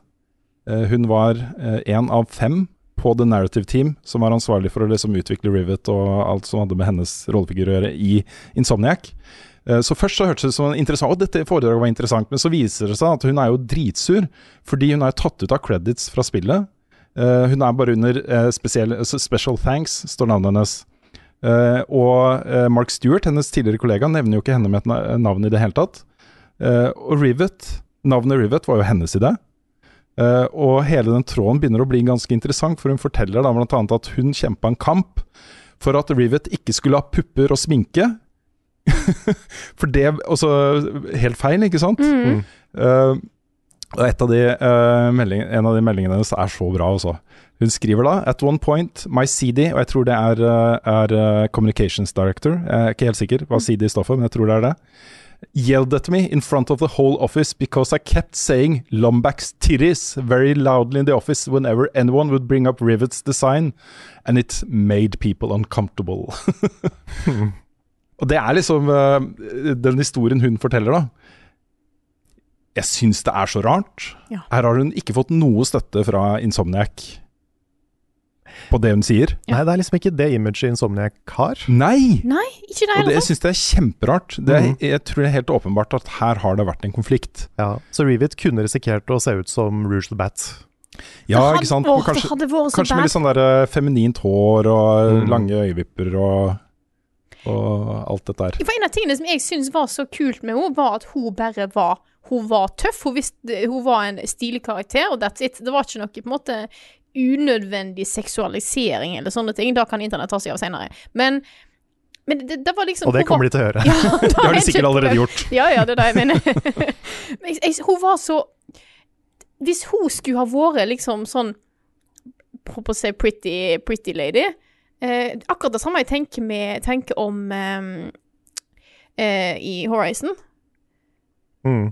For det, der Mm. var det jo diskusjon, og noen som hadde lagd en, en, en eh, liksom pretty versjon av Aloy. Og bare sånn 'Dette skulle du ikke gjort!' Nei! Nei, det bildet ser ikke ut. Nei! Nei, det er helt forferdelig. Så det, det, det irriterer meg sånn. At det er liksom At alle kvinnelige karakterer skal være liksom sånn type perfekt, uten at det nå gir noe som helst mening for historien.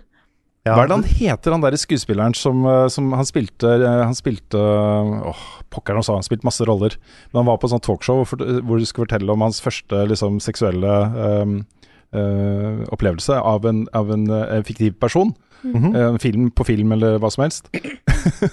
Og han, han, han nevnte jo Nala fra, fra 'Løvenes konge'. Ja. Ja. Det er litt morsomt. Ja. Og litt weird, men, Og men litt det, er, weird, men ja. det er pga. det blikket til Nala i den ene scenen. I det blikket til Nala i Ja, den ene For det er det kåteste blikket i noen Disney-film noen gang. Ja. Ja, men, det, men på en måte den der seksualiseringen av dyreroller, selv om de snakker engelsk eller norsk Ja, eller hva det, skulle ganske, være. Det er ganske weird. Det er en sånn der trend på YouTube nå, har jeg sett, hvor youtubere lager sånn der eh, smash or pass med Pokémon. Som hvilke Pokémon hadde jeg ligget ligge med? Ja, Det er fucked up, ass. ja. Det er ikke greit, og dette er dyr. Men dette her eh, som Sam Maggs da opplevde eh, i forbindelse med dette spillet, er jo noe jeg har fått med meg skjer en del. At hvis du ikke er med på et spill eh, helt til siste slutt og lansering, så risikerer du å på en måte eh, bli på en måte litt utsletta fra historien til det spillet. Eh, Ditt bidrag ikke kreditert på den måten det burde bli kreditert. Og det virker jo som om hun har hatt en utrolig sentral rolle da, i, i den, de narrative grepene som blir gjort i Ratchet Clank Rift Apart. Og det er jo litt trist å se. Så, så um, syns jeg også stillheten til Insomniac i denne saken er litt påtagelig. Mm. Eh, som sagt så tror jeg det nok ikke var et vennskapelig brudd. Et, her har det vært mye krangling eh, på bakrommet. Um, men jeg syns det er flott da at når eh, det, det var vel IGN tror jeg, som skrev en artikkel om dette foredraget til, eh, til Mark Stewart. Eh, etter den Twitter-tråden hennes og hennes eh, reaksjoner, så ble jo den saken oppdatert. Eh, nå har det også blitt rapportert andre steder. Så det er litt sånn vindication. Eh, Mm. Rettferdigheten seiret. Eh, nå vet folk hvem som kom opp med navnet Rivet. Ja. Du kan, du kan gjøre en case for sexy 60 Rivet hvis du også gir Ratchet en sånn skikkelig penisbulge. Ja, ja det, det, er Yes. faktisk ikke så dumt, Carl. Carl. -hmm. Da må du behandle han på samme måte. Ja, det må du. Jeg vil også bare legge til no offense to furries, dere må bare do your thing. Det, Ja, Ja, ja, herregud. You do you. Jeg Mm. bare, akkurat når det kommer til sånn der Smash or Pass og Pokémon og sånn, det føles feil, ass. Den er Det er interessant Da Det, det blir ikke tema for neste streamen vår, kan vi nå si. Nei. Jeg tror ikke vi skal kjøre, kjøre den. Hun sier også da i denne tråden at, eh, at Rivet, ifølge Cannon, er lesbisk. Det var hele tiden en sånn greie da i spillet, ikke sant. Eh, de, de, hun er jo en versjon av Ratchet, så de kan Mm. jo på en måte ikke bli sammen, men kan de det allikevel? Ja, Er for liksom, Loki gikk jo for den, stemmer det? Ja. Mm. så der gikk det. Men, eh, men der er jo faktisk Loki canonically biseksuell, tror jeg. Mm. Eller panseksuell, jeg er litt usikker. Panseksuell tror jeg det, det ble sagt der. Ja, Så, Så det funker jo, på en Ja. måte. Samtidig så med deg sjøl, jeg vet ikke. Det er noe annet igjen. ja, Da vet du at du kommer godt overens, da, kanskje. Det, Ja, så lenge du ikke får barn, eller. så får det være greit, da. Enten eller, for det kan hende man ikke kommer godt overens med seg sjøl. ja, det kan bli full clash. Mm. Mm. The Stanley Parable Ultra Deluxe har fått uh, utgivelsesdato, tror vi da. Vi vet jo ikke helt sikkert. Det, her har vært mye trolling og fram og tilbake og tjo og hei. Ja. Um, men nå har det fått en dato. Det er uh, 27. april. Uh, og dette er jo da en, en uh, slags remake av et uh, spill vi er fryktelig glad i. Mhm. Uh, kjempebra. Mm. En av de morsomste spillopplevelsene jeg har hatt noen gang. For et manus og for et konsept og idé, liksom. Ja. Ja. Utrolig spent på hva de har lagt til der, for det spillet er jo allerede ganske perfekt. Ja. Mm. Men det er lagt til ting, eh, og det de kan legge til er jo For det, dette er jo et spill hvor du eh, gjør masse greier. Altså du, det starter i et eh, en sånn eh, kontor, og så går du ut av kontoret, og så er det en narrator som forteller deg hva du gjør hele tiden. Og han foreslår ting, liksom. Uh, Stanley took the door to the left. Mm. Og så kan du gjøre det, da. Eller så kan du ta the door to the right, og da kommenterer narrator det, og så tar du en, mange forskjellige paths, og det er mange forskjellige historier du kan følge her. Ja. Så de har jo sagt at det vil komme flere historier du kan følge fra det kontoret. Mm. Det er jo en sånn dialog, nesten en sånn krangel, mellom veldig historiestyrte spill og veldig åpne spill, Ja. Mm. På en måte som er i konflikt med seg sjøl. Mm. Ja. Og det er veldig kult å se på en måte den fortelleren bare reagere på alt du gjør som spiller, og at, at alt er feil. Ja. Mhm. For gjør du ikke, hvorfor bare følger du ikke den historien jeg har lagd til deg? Og så, det er sånn utrolig bra dynamikk da, mellom de to. Ja, det er kjempebra. Perfekt fortellerstemme også. Den er Mm. kjempebra. Altså. Ja. Så um, det blir et hyggelig gjensyn. Og et uh, nytt, nytt, ny opplevelse for mange. Så uh, gleder meg. Um, og så er siste nye sak et, eh, eh, Jeg tar det i form av et spørsmål vi har fått. Mhm. Fra opptil flere, men eh, har valgt ut av Kim André Odne, som spør da. Eh, advarsel. Vet dette kan bli en større hypefest enn Elden Ring, men Sony har registrert en ny trademark for NAC. For NAC. NAC. Mhm. NAC 3 Er NAC 3 ekte? er Tenk NAC da. 3 ekte. Tenk om. Men det er, har ikke egentlig og så, eh, Dette har du jo vært inne på i anmeldelsene dine, Carl. Du har ikke vært fornøyd med verken NAC 1 eller NAC 2. Nei, altså, jeg, var mer fornøyd med NAC 2. Ja, men det er det litt av poenget mitt også. Ja. Har du ikke sagt at det er potensial i konseptet til å kunne bli noe en gang? Jo, det er, det er ikke voldsomt potensial, vil jeg si. Men NAC 1 var skikkelig crap. Ja. eh, sånn ordentlig kjedelig. Men NAC 2 hadde en del kult gameplay. Mm. Det som er utfordringen til den serien, er at NAC ikke er spennende nok som karakter. ja. Fordi jeg syns han er ganske søt når han er liten, Mm. men når han er svær, så blir han bare en sånn der burly fyr med mørk stemme som bare sier ting som ikke betyr noe, egentlig. Han, han, bare, han har ingenting å komme med. Mm. Det er bare sånn der han får en ice power-up, og så sier han 'ice is nice'. og det er ikke, han har ikke noe personlighet, da. Nei. Og det er problemet. Så de må gjøre Nack spennende, tror jeg, for at det skal gå. Tenk om de setter liksom Naughty Dog eller Santa Monica eller eh, et sånt eh, superteam. Ja, jeg vil grine av Nack. Ikke sant? Ja, sant. Tenk om de gjør det, da, for kan de ikke gjøre det, Karl? Jo, de kan jo det. Mm. Ja, jeg vil føle for Nack. Mm. Da funker det. Men det, det, de må komme seg dit, altså. Uansett hvor mange biter jeg absorberer, så blir jeg ikke hel. hva kommer egentlig nå? Jeg har ikke peiling. Hva kommer nå? Vi får fortsatt en drøss med spørsmål om Elden Ring. Eh, det er helt klart at dette er et spill som fortsatt er veldig interessant for veldig mange av lytterne våre. Og derfor tenkte vi at vi tar litt av disse spørsmålene i en egen spalte her. Så hvis du Ja. ikke er interessert i å høre på Elden Ring-snakk, så bare spol videre til den faktiske spørsmålsdelen av podkasten. Eh, så dette er rett og slett bare for sam Den kommer om noen minutter, eller bare. Så, så ja. vi skal ta dette kort, eh, men det er bare for, eh, fordi det kommer, det kommer så mange spørsmål. Så eh, ja, ikke bare det, men jeg kjenner en som, eh, som nettopp tok Margit ja. for første gang, liksom. Ja, jeg også kjenner en sånn. Mm. Så dette er jo et spill som folk fortsatt spiller. Mm. Og den noen, det var meg. Det var deg. Det var det. Det var Frida Det Dalmo. var Ja, hele tiden. Hele tida. Nei, nå har jeg endelig eh, Jeg skal ta det veldig kort her nå før vi setter i gang med spørsmålene. Jeg har jo nå endelig etter å ha eh, Først var det Horizon-anmeldelsen, og så tenkte jeg nå skal jeg spille Elden Ring, og så kom Tunic og sa jeg må vente litt med Elden Ring. Så nå begynner, har jeg begynt å spille Elden Ring, eh, og ta, jeg kommer til å ta det litt sånn step by step eh, framover når jeg har litt tid. Men jeg tok Mm. altså Margit i forgårs. Eh, tok Margit med et eh, Bloodfang eh, Bloodhound Fang pluss fire. Eh, Som er mye mer enn det du trenger for å ta Margit. Eh, Du skal jo i teorien kunne bare gå rett fra character creatoren inn i slottet og ta Margit. ja. Ja, du skal kunne, men det er, det er vanskelig. Ja, det er vanskelig. Det er vanskelig, det er vanskelig. Ja. Da blir det, sånn, det, blir, det blir vanskelig, ja. Ja, Ja. så jeg hadde jo egentlig tenkt å ta Jeg, håper, jeg, jeg holder alltid på å si ho. Eh, jeg tenkte jeg skulle ta den tidligere, men så plutselig satt jeg der med oppgraderingsmaterial én, to og fire, og ikke tre. Jeg er bare sånn OK, jeg er nødt til å ta, få tak i tre, sånn at jeg òg kan få tak i fire. Nei, jeg kan bruke fire, og så plutselig var jeg veldig sterk. Eh, Så da var det vel Det var ikke kjempemange forsøk. Jeg tror jeg tok, tok han inn halvtime, time. Ja. Så det gikk ja. fort. Men eh, da er planen å gå videre, og så bli eh, fullstendig wrecked av noe litt lenger fram i tid. Det, det skjer. Ja, det kommer til å skje. Det er en del av the journey. Det er det. Mm. Jeg har lyst til å nevne før spørsmålene også at eh, jeg har jo begynt å følge litt med på han eh, Twitch og youtuberen eh, Distortion 2. eh, Som driver og pusher verdensrekorder. Han er ikke den eneste som gjør det, da, men det er han som har verdensrekorder nå. Nå er han nede i, da, i 18 minutter og 57 sekunder. Det er tullete. Ja, og Det har vært så gøy å følge det. Jeg har sett flere av de forsøkene. liksom Fra da 30 minutter ned på 20-tallet, og så nærmere og nærmere 20. Eh, og det har vært også har en del og sånt, men ikke masse. Det er mer sånn eh, at han saver og quitter på liksom et tidspunkt, og så er han plutselig et annet sted, type ting. da Men nå, den der 1857-runnet, det er sånn at da skrur han ned resolusjonen, og så oppløsningen på, på skjermen. Og så bruker han eh, blokkefunksjonen på et sverd på et akkurat riktig sted, og så bare fo, så teleporter han over hele mappet og forbi bosser og bort. Og det, det er helt vilt, altså, hvordan det røde der har utvikla seg. Det er så gøy å se på nå. Det er så gøy, altså. Så hvis du vil ha 18 minutter og 57 sekunder med stor underholdning hvor man ikke helt skjønner hva som foregår, så anbefaler jeg Distortion 2 på YouTube. Det er kjempegøy.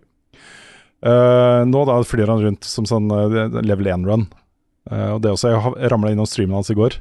Da står han på det Land of the Giants som level 1 og tar bosser. Fire Giant, liksom. Det er, det er så morsomt å se på. Også. Men ok, eh, spørsmålene som har kommet inn, da. Eh, Det første er fra Steffen Komperud, som spør da nå som Elden Ring endelig er ute etter lang tid med hype, tror dere at dere noen gang kommer til å bli like hyped av et spill som blir annonsert igjen? Ja. Ja. Ja. Elden Ring 2. Ja. Bloodborne men det 2. er, altså, ja, mange Bloodborne 2 og Ja, ja, ja. Kingdom Hearts 4, når det blir vist, så kommer jeg til å uh, hyle. Rayman Mm. 4, eh, Pikmin 4, Bayonetta 3. Det er, det er ikke mangel Ja. på spill å bli hyped over. Det går rykter om en Final Fantasy 9 remake. Det er mye som kan få meg så glad, altså. Mm. Så, så svar, svar ja. Eh, og så spør da Jon Magnus Restad, sniker inn litt Eldring denne gangen også. Har ikke tid til Eldring akkurat nå, men er, er det et spill jeg kan spille sammen med min snart ti år gamle sønn? Eller er det rett og slett for brutalt? Han er ikke spesielt lettskremt, og er en ganske dreven gamer fra før av. Hmm. Har ikke spilt noe FromSoft-spill fra før, så litt usikker på hva det går i. Og grunnen til at han spør, er jo fordi tiåringen hans har spurt, og grunnen til at tiåringen hans spør, er at dette er jo Elden Ring er overalt. Ja. Går du inn på TikTok og Instagram og Twitter og hvor som helst liksom, på nett nå, så driver folk og poster uh, Elden Ring-ting. Og alle de store streamerne spiller Elden Ring. Det er liksom ene etter andre. I går så, så jeg uh, Asmongold runde Elden Ring foran 49 000 seere, Å, liksom. fy fader. Og alle de andre liksom, store streamerne streama også Elden Ring samtidig. Mm. Uh, så det, det, er, det er overalt i populærkulturen, og selvfølgelig kommer barna og maser. Det er, jeg synes det er vanskelig å svare på, fordi det er jo ikke voldelig på samme måte som Call of Duty, uh, føler jeg i det hele tatt. Men det er jo en type, det er en type fantasy violence som er hardere enn liksom uh, Ringenes herre-type violence. Det ligger jo nærmere Skyrim og sånn, kanskje, Mm. i, i voldsnivå. Og så er det noen i eh, fiendedesign som er litt De er litt gufne, altså. Ja, fiendedesign er skummelt, så det Mm. kan jo være litt skummelt. Men jeg tror nok at det er en ganske stor forskjell da, på å spille det sammen med tiåringen, eh, og det å slippe han løs Eller henne, sier, sier han kjønnen? Ja, sønn, ja. Ja. Eh, slippe løs alene. Fordi det er en del av de dungeonsene og bossene og områdene i dette spillet her som, eh, som jeg tror nok kunne gjort ganske sterkt inntrykk. da. Disse fuglemonstrene i Kalid og eh, eh, de edderkopplignende kjempehendene og Den der kattestatufienden som er en av de første Ja. caves du kommer i, den syns jeg er ekkel. Mm. Jeg tror nok barn håndterer på en måte skrekk på en litt annen måte enn vi tror de gjør. Jeg så akkurat en rapport om at uh, skrekk er sunt for barn. jeg vet ikke hvor mye jeg skal stole på den. Nei, Men- høres ut som noen som var glad i å skremme kidsa. Ja. ja. De har godt av dette her, det blir litt sånn ordentlig Ja, ja. folk av dette her, vet du. Sånn Skal tidlig krøkes. Ja. Ja. Nei, men eh, jeg ville nok i hvert fall anbefalt å se det litt an. Og det er nok lurt å spille et sånn type spill eh, sammen, hvis du først skal gjøre det. Så um, ja. Eh, kontrollspørsmålet blir Hadde hadde du latt, latt sønnen din på ti se Game of Thrones? Ja, Game of Thrones er ganske mye verre. Det er veldig mye blod og veldig mye sånn, sånn grotesk sånn body horror-type ting. Ja, sånn gore og sånn. Ja. Det, er det, det er mye blod i Elden Ring, men det er ikke så mye sånn der Ok. detaljert Det er ikke decapitation, så det er ikke sånne hadde ting. du latt sønnen din se Scooby-Doo? Ja, det hadde han ikke gjort. Det hadde han ikke gjort. Ja, nei, men jeg mener jo at noen av de sekvensene, altså når de drar svære sverd ut av halsen og det ramler ut lik som, ramler, som legger seg på gulvet og sånt, ja. er litt sammenlignbart da med noen av de der øh, visuelt ganske brutale scenene fra Game of Thrones. Ja. Jeg vil si det ligger nærmest Skyrim og den type ting i vold. Ja. Um, så det er jo mer brutalt enn Fortnite, liksom. Ja. Men uh, ja, det, det er litt sånn du kjenner ditt eget barn best-situasjon, kanskje. Mm. Og så er det jo òg, hvis du er der sammen med, eh, med sønnen din, så kan du òg eh, jevnlig på en måte snakke om det dere har sett, og finne ut på en måte er dette på grensa, er det innafor, er det hvordan, hvordan takler ungen dette her, da? Mm. Mm. Og så har vi et, uh, fått et spørsmål fra en som kaller seg Erlink Ra- Er Erling Roastvogue. Erling Roastvogue. Jeg tror det er Roastwag. Roastwag. Ja. ja. Roastwag.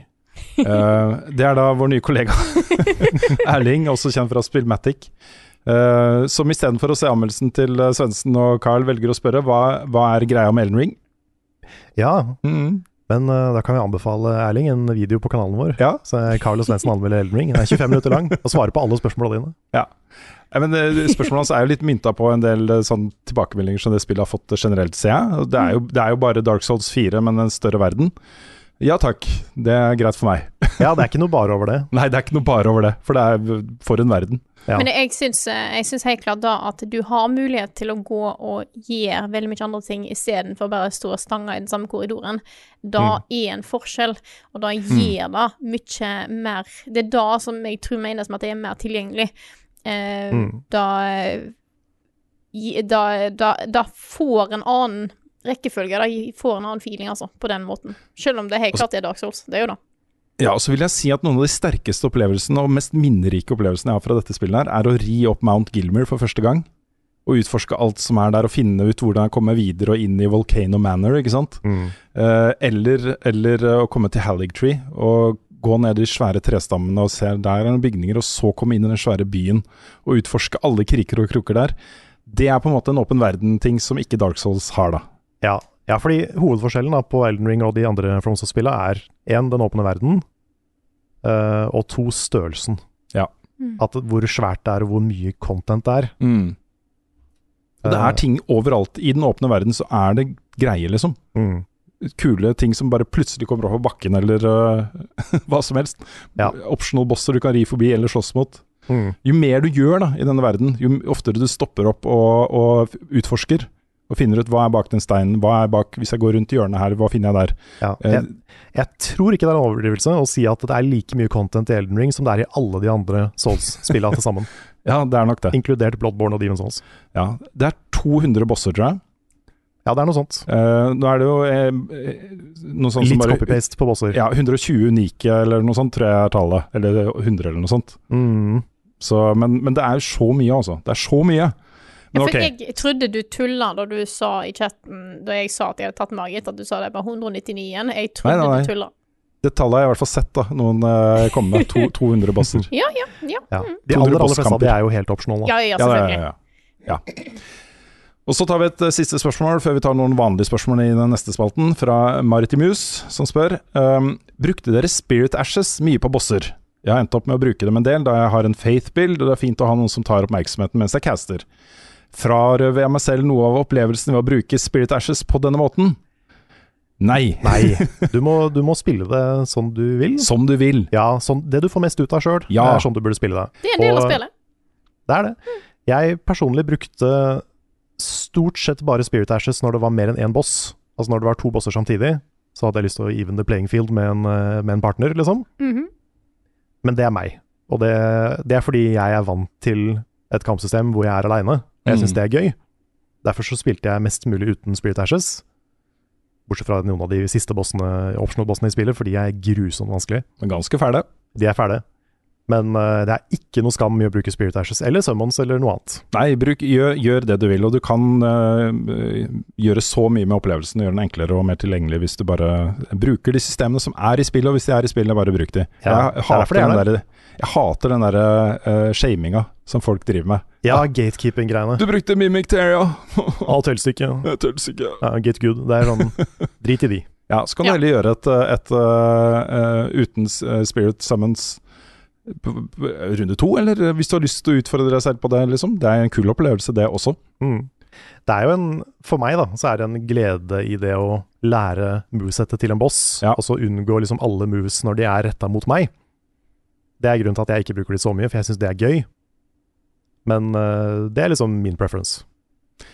Jeg da syns det er gøy å snike meg innpå en skikkelig kjip boss bakfra, mens, uh, mens øh, han prøver å drepe Mimic Tear, uh, den andre versjonen av meg selv, og så bare denge løs. Det syns jeg er gøy. så, så det er meg. Hva er hennes best, hvordan fredag sist har Carl egentlig sopp? Ukens spørsmål. Og vi starter den vanlige spørsmålsspalten med et spørsmål fra André Børke. Han skriver Droppa å dele tunge nyheter i Twitch-chat. Et spørsmål om hvor tett dere mener en bør være på seerne sine. Jeg kom nettopp over en Twitter-tråd som utvikla seg til en veldig spennende diskusjon, som jeg sjøl òg føler meg er veldig splitta på. Eh, posteren oppfordrer seere på Twitch til å droppe å dele tunge personlige nyheter i kommentarfeltet hos streamere. At det er egoistisk å ta fra verten rommet og gi det til sitt eget. Posten får motstand fra enkelte som mener at det kommer som en del av jobben å være der for seerne sine og hjelpe der man kan. Andre mener at det er ikke en streamers ansvar å være terapeut for sine fans, og at streamen òg kan være vertens egne trygge sfære for å unngå unnslippe egne problem. Jeg lurer på hvor dere står i det dilemmaet. Føler dere et ansvar for deres egne seere på Twitch? Har dere stått overfor en slik eh, lik problemstilling før? Han svarer jo egentlig eh, godt på selv, da, på hva dilemmaet faktisk er. Ja, men jeg syns spørsmålet er sykt interessant. Ja, det er Dette, dette er noe vi kunne hatt en egen podkast om bare det her. Ja, og vi har også, dette er jo også et tema vi har snakket en del om uh, internt, da, oss imellom. Uh, fordi man, vi vet jo at når man har en plattform hvor folk møtes, og hvor folk uh, blir inkludert på en måte som ligner veldig på sånn vennegjenger fra virkeligheten og den type ting, man føler seg hjemme, eh, og man har kanskje problemer da, som man har lyst til å dele med og kanskje få hjelp til å bearbeide, så føles det ofte naturlig å ta opp den type ting da, uh, i, i den rammen. Og vi føler jo også selv at vi um, altså Vi ønsker i hvert fall å ha en, en sånn ramme hvor folk føler seg hjemme, og føler seg trygge og føler seg inkluderte. Så nå, nå har jo ikke på en måte akkurat dette skjedd så ofte med oss. Ehm, jeg, jeg mener jo kanskje at streams i utgangspunktet ikke er det riktige stedet å ta opp den type uh, diskusjoner. Um, rett og slett fordi streams gjerne ofte handler om noe annet, og folk er der av mange forskjellige grunner. Eh, Noen er der for å koble av og for å bli underholdt og bare henge med venner og sånt, mens andre ønsker å liksom glemme ting i en stakket stund. Eller eh, noen er nysgjerrig bare på spillet som spilles, ser ikke på chatten i det hele tatt. Så folk er der av veldig forskjellige grunner. Uh, og uh, der har vi også et ansvar å på en måte tilby noe som, som uh, eh, treffer alle, da, og ikke liksom bare én person som ønsker å dele, dele noe. Nå er det jo sjelden det har kommet sånne type tunge eh, historier i vår chat. Eh, de som jeg på en måte kommer på, er mer av melding, meldinger av typen eh, folk som takker oss for innholdet vi lager, som har kanskje eh, hjulpet de gjennom eh, litt vanskelige stunder, og ikke formulert på en dypere måte enn da, på en måte. Eh, Mm. Og da er jo òg hyggelig å høre at vårt innhold har eh, på en måte hjulpet deg på den måten, da. Eh, Mm, Så i sånne settinger syns jeg at det ikke er noe problem. Men det spørs, det spørs jo litt hvordan dette blir lagt fram òg, på en måte. Ja, noe av det mest interessante jeg har sett på YouTube, eh, det er en, eh, en serie på jeg tror det er tre episoder av en YouTuber som heter Shannon Strucci, som har lagd en sånn kort serie om parasosiale forhold på internett. Og det er så utrolig interessant. Og det fikk eh, Det å se gjennom de, det er ganske lange, men de er utrolig spennende. Jeg så de på én sitting, liksom, for jeg ble så, ble så interessert. Um, for det er jo ganske store spørsmål, dette her med liksom hva hva burde man holde eh, privat da, fra et eh, online publikum? Og hva er å gå for langt? Eh, hva er akseptabelt? Hvor går grensa? Eh, og, og det handler om begge veier også. Mm. Sånn, det fins eksempler på streamere og youtubere som har blitt emosjonelt avhengig av publikummet sitt på en usunn måte. Mm.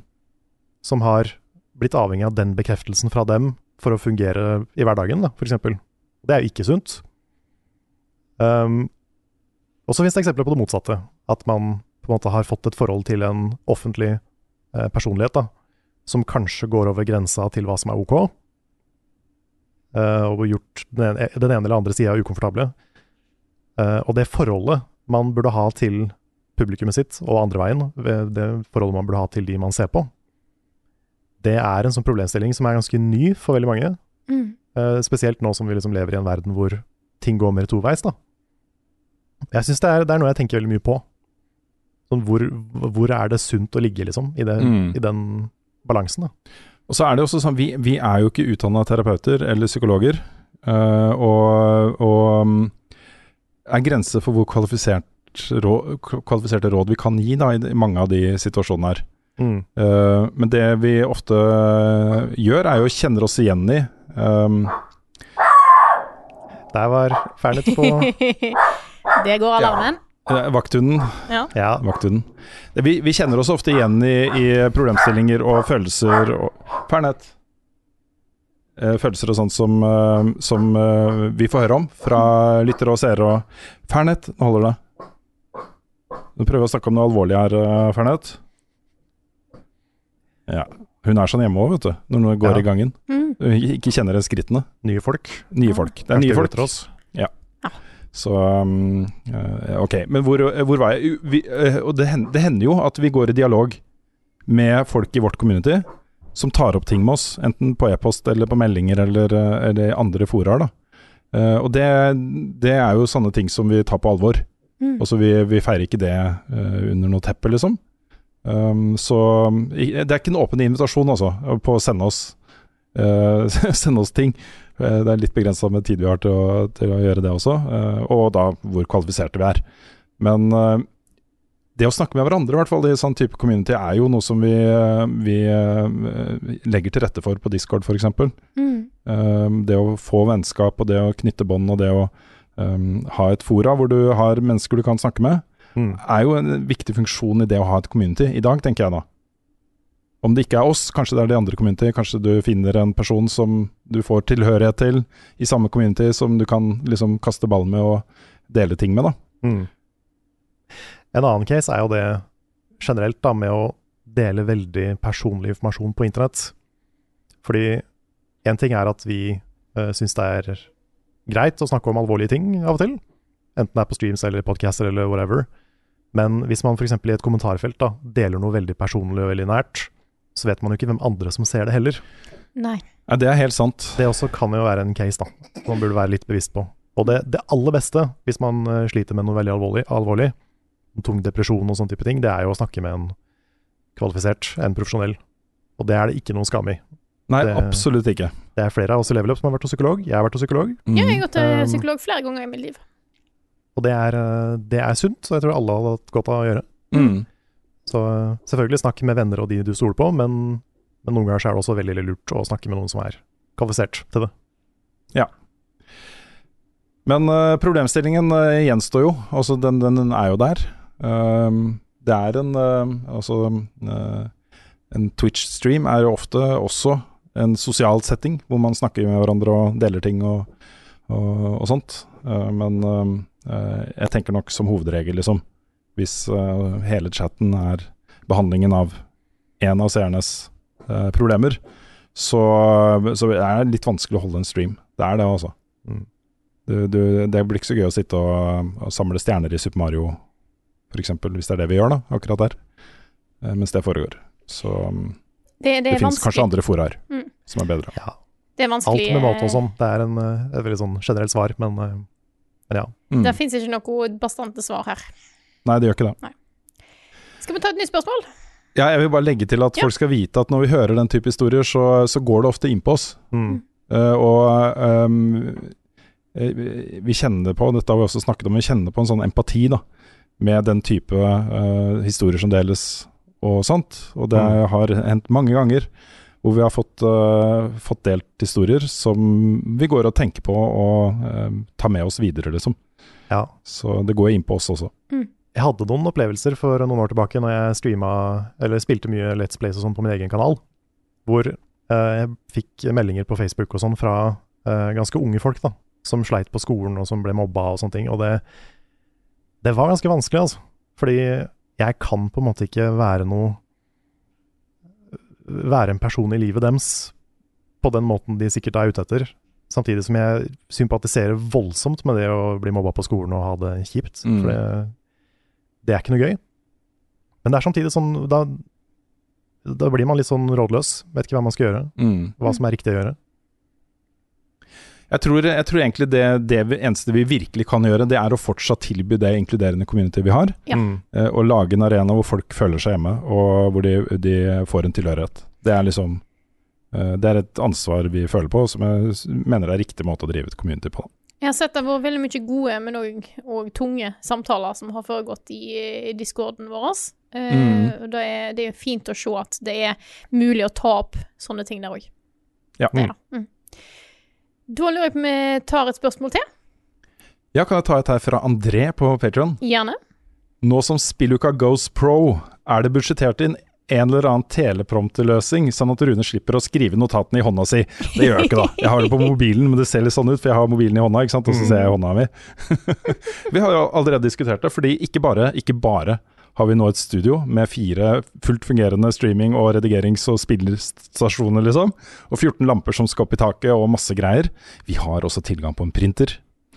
Uh, Vi har vi, det. ja, Vi har har snakka om å trykke opp sånne Q-cards med level Up-logoen. up-logoen. Printe ut de notatene som jeg i dag har på mobilen, på den, og så teipe den til Q-cards. For det ser proft ut! Det, Da, ja. det gjør man jo på TV, ikke sant? Det er sant. det er sant. Mm. Mhm. Så, så det kommer, det kommer. det kommer. Nice. Har du et spørsmål, Karl? Hvis ikke sånn. Eh, ja, ta et til imens. Ja. Dette er fra Sondre 3M, som skriver Hva skal til for at accessibility slår ut positivt, eh, og kanskje mest negativt, på et spill? Elden Ring er, Vi skal ikke snakke om Elden Ring spesifikt, bare så det er sagt, bare nevner det her. Elden Ring er mitt topp én-spill ever, men det mangler totalt mulighet for tilrettelegging. Jeg snakker ikke om vanskelighetsgrad, selvsagt, men om ting som UI. Jeg ser veldig godt, men sliter sjøl med noe av den mørkerøde skrifta på mørk bakgrunn.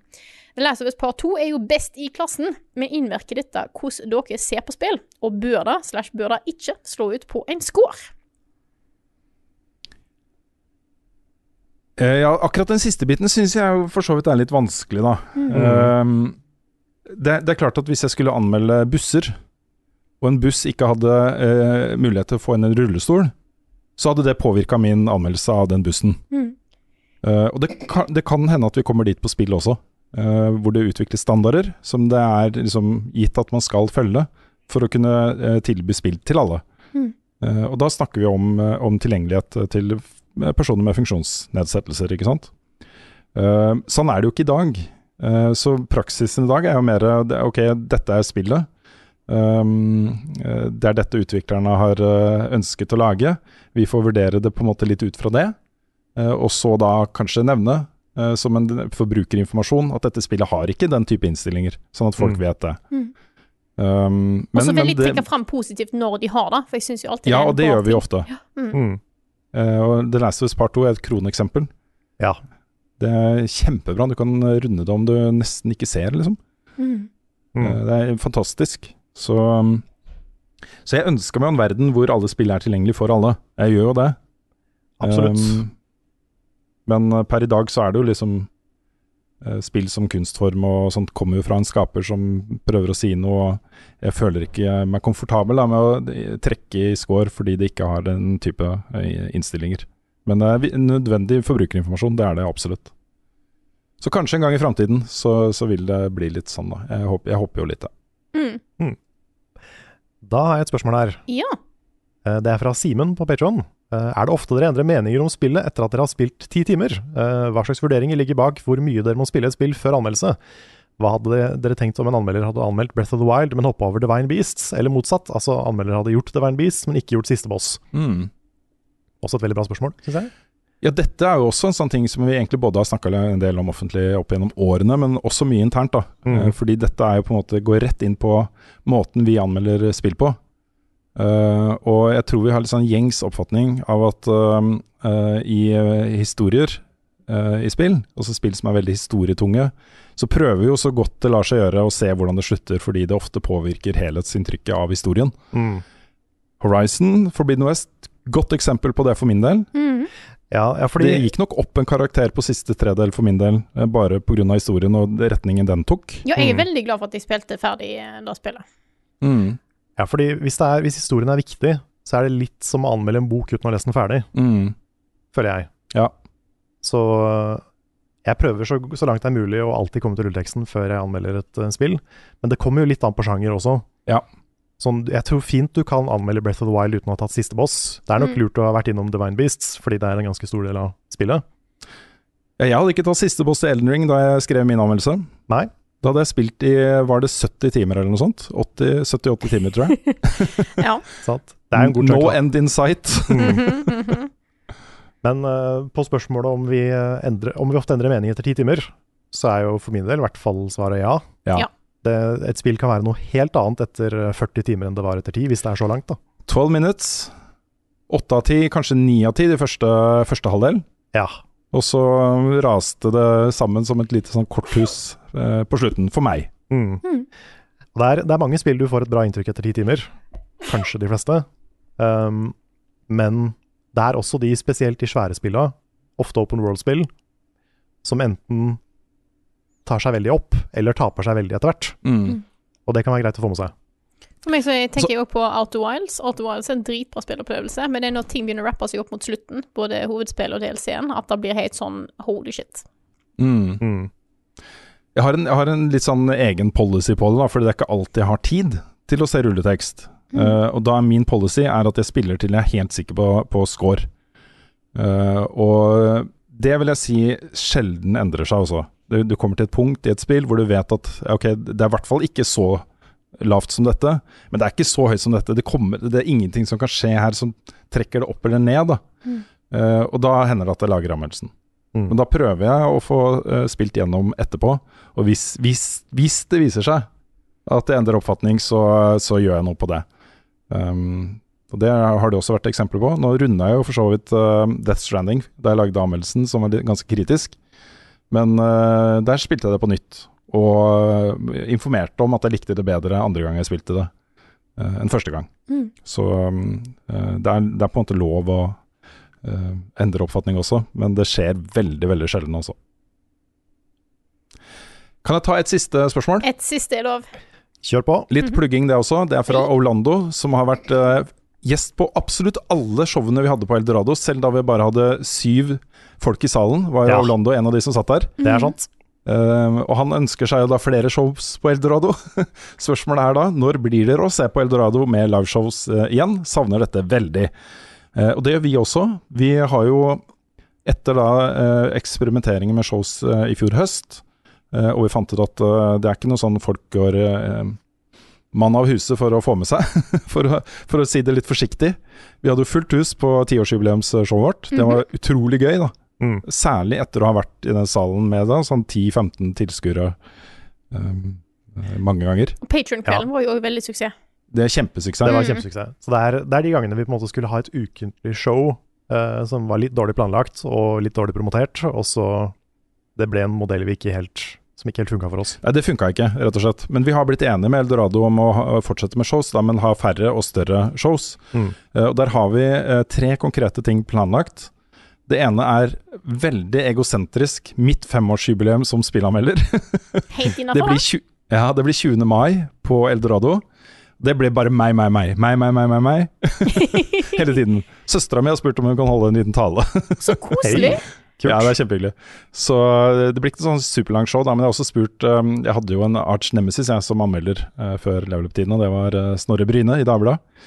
Uh, vi har en del morsomme historier å, å dele, da, som vi opplevde sammen. Vi var i Japan for første gang sammen, f.eks. Uh, så jeg spurte om han hadde lyst til å komme innom en tur, og det hadde han. Eh, så det kommer til å bli liksom mimre, mimrekveld, tilbakeblikk, sånne ting. Så det er da 20. mai uh, på Eldorado. Det er det faktiske. Det er, da er det, Den dagen er det 25 år siden jeg publiserte min aller første spillanmeldelse. Gullklokke. Jeg forventer gullklokke. Mm -hmm. uh, og så planlegger vi en Oslo-greie for oss selv og de nye anmelderne våre i løpet av våren. Og da tenker vi å kombinere da med en skikkelig sånn eh, level backup live på Eldorado eh, med Frida i Yes. salen, liksom.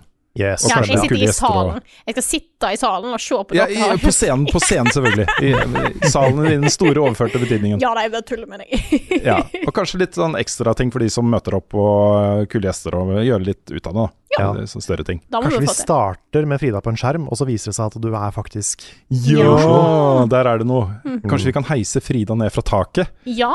Ja. Vi må bare sprenge budsjettet mest mulig. Ja, ikke sant. Så, så det er da show nummer to. Show nummer tre er at det blir en ny Patron-kveld. Vi tror nok at vi må ta litt betalt for det, uh, for å få uh, At ikke det bare blir en hyggelig gest fra Eldorado, men at det koster litt penger, men at den da er eksklusiv for patronbackere av oss, Radcrew og spilledåsene. Uh, og vi eh, det, altså det som er morsomt med Patron-kveldene, og det som vi har lyst til å gjøre igjen, er jo å løsne litt på snippen og gjøre ting som er liksom litt mer sånn oss, da, eh, alle oss i salen og oss på scenen, som én ting, mer enn at vi presenterer et show vi har forberedt, liksom.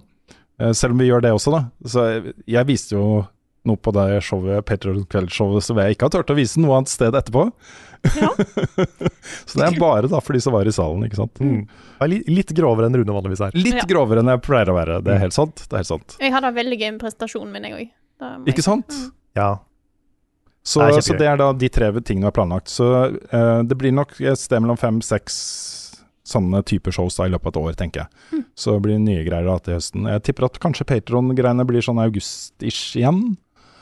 Eh, så får du da eh, mai med dette eh, fjem- 25-årsjubileet mitt. Eh, kanskje april, mai, juni for, uh, for podkasten. Så får vi se. Høres bra ut. Yeah. Da har jeg, jeg, jeg glemte at jeg skulle si noe, jeg, så da beklager jeg den litt kleine pausen der. Dette her er da podkasten Level Backup, utgitt av moderne media. Låten i introen og outroen er skrevet av Ole Sønnik Larsen og arrangert og framført av Kyoshu Orkestra. Vignettene er lagd av fantastiske Martin Herfjord. Du finner mye mer innhold fra oss, egentlig nesten alt innholdet vårt, på youtube.com slash levelupnord, så stikk innom der og trykk subscribe, og så kan du se på alle de kule nye anmeldelsene våre, som nå begynner å komme med undertekst. Vi snakker om tilgjengelighet. Eh, vi driver også og ser på om vi kan faktisk få til å få subba streamsene våre med. Så eh, dette er noe vi jobber med, så vet dere det. Eh, angående streams, twitch.tv slash levelupnord er der det skjer, så følg oss der hvis du har lyst til å få vite når vi går live.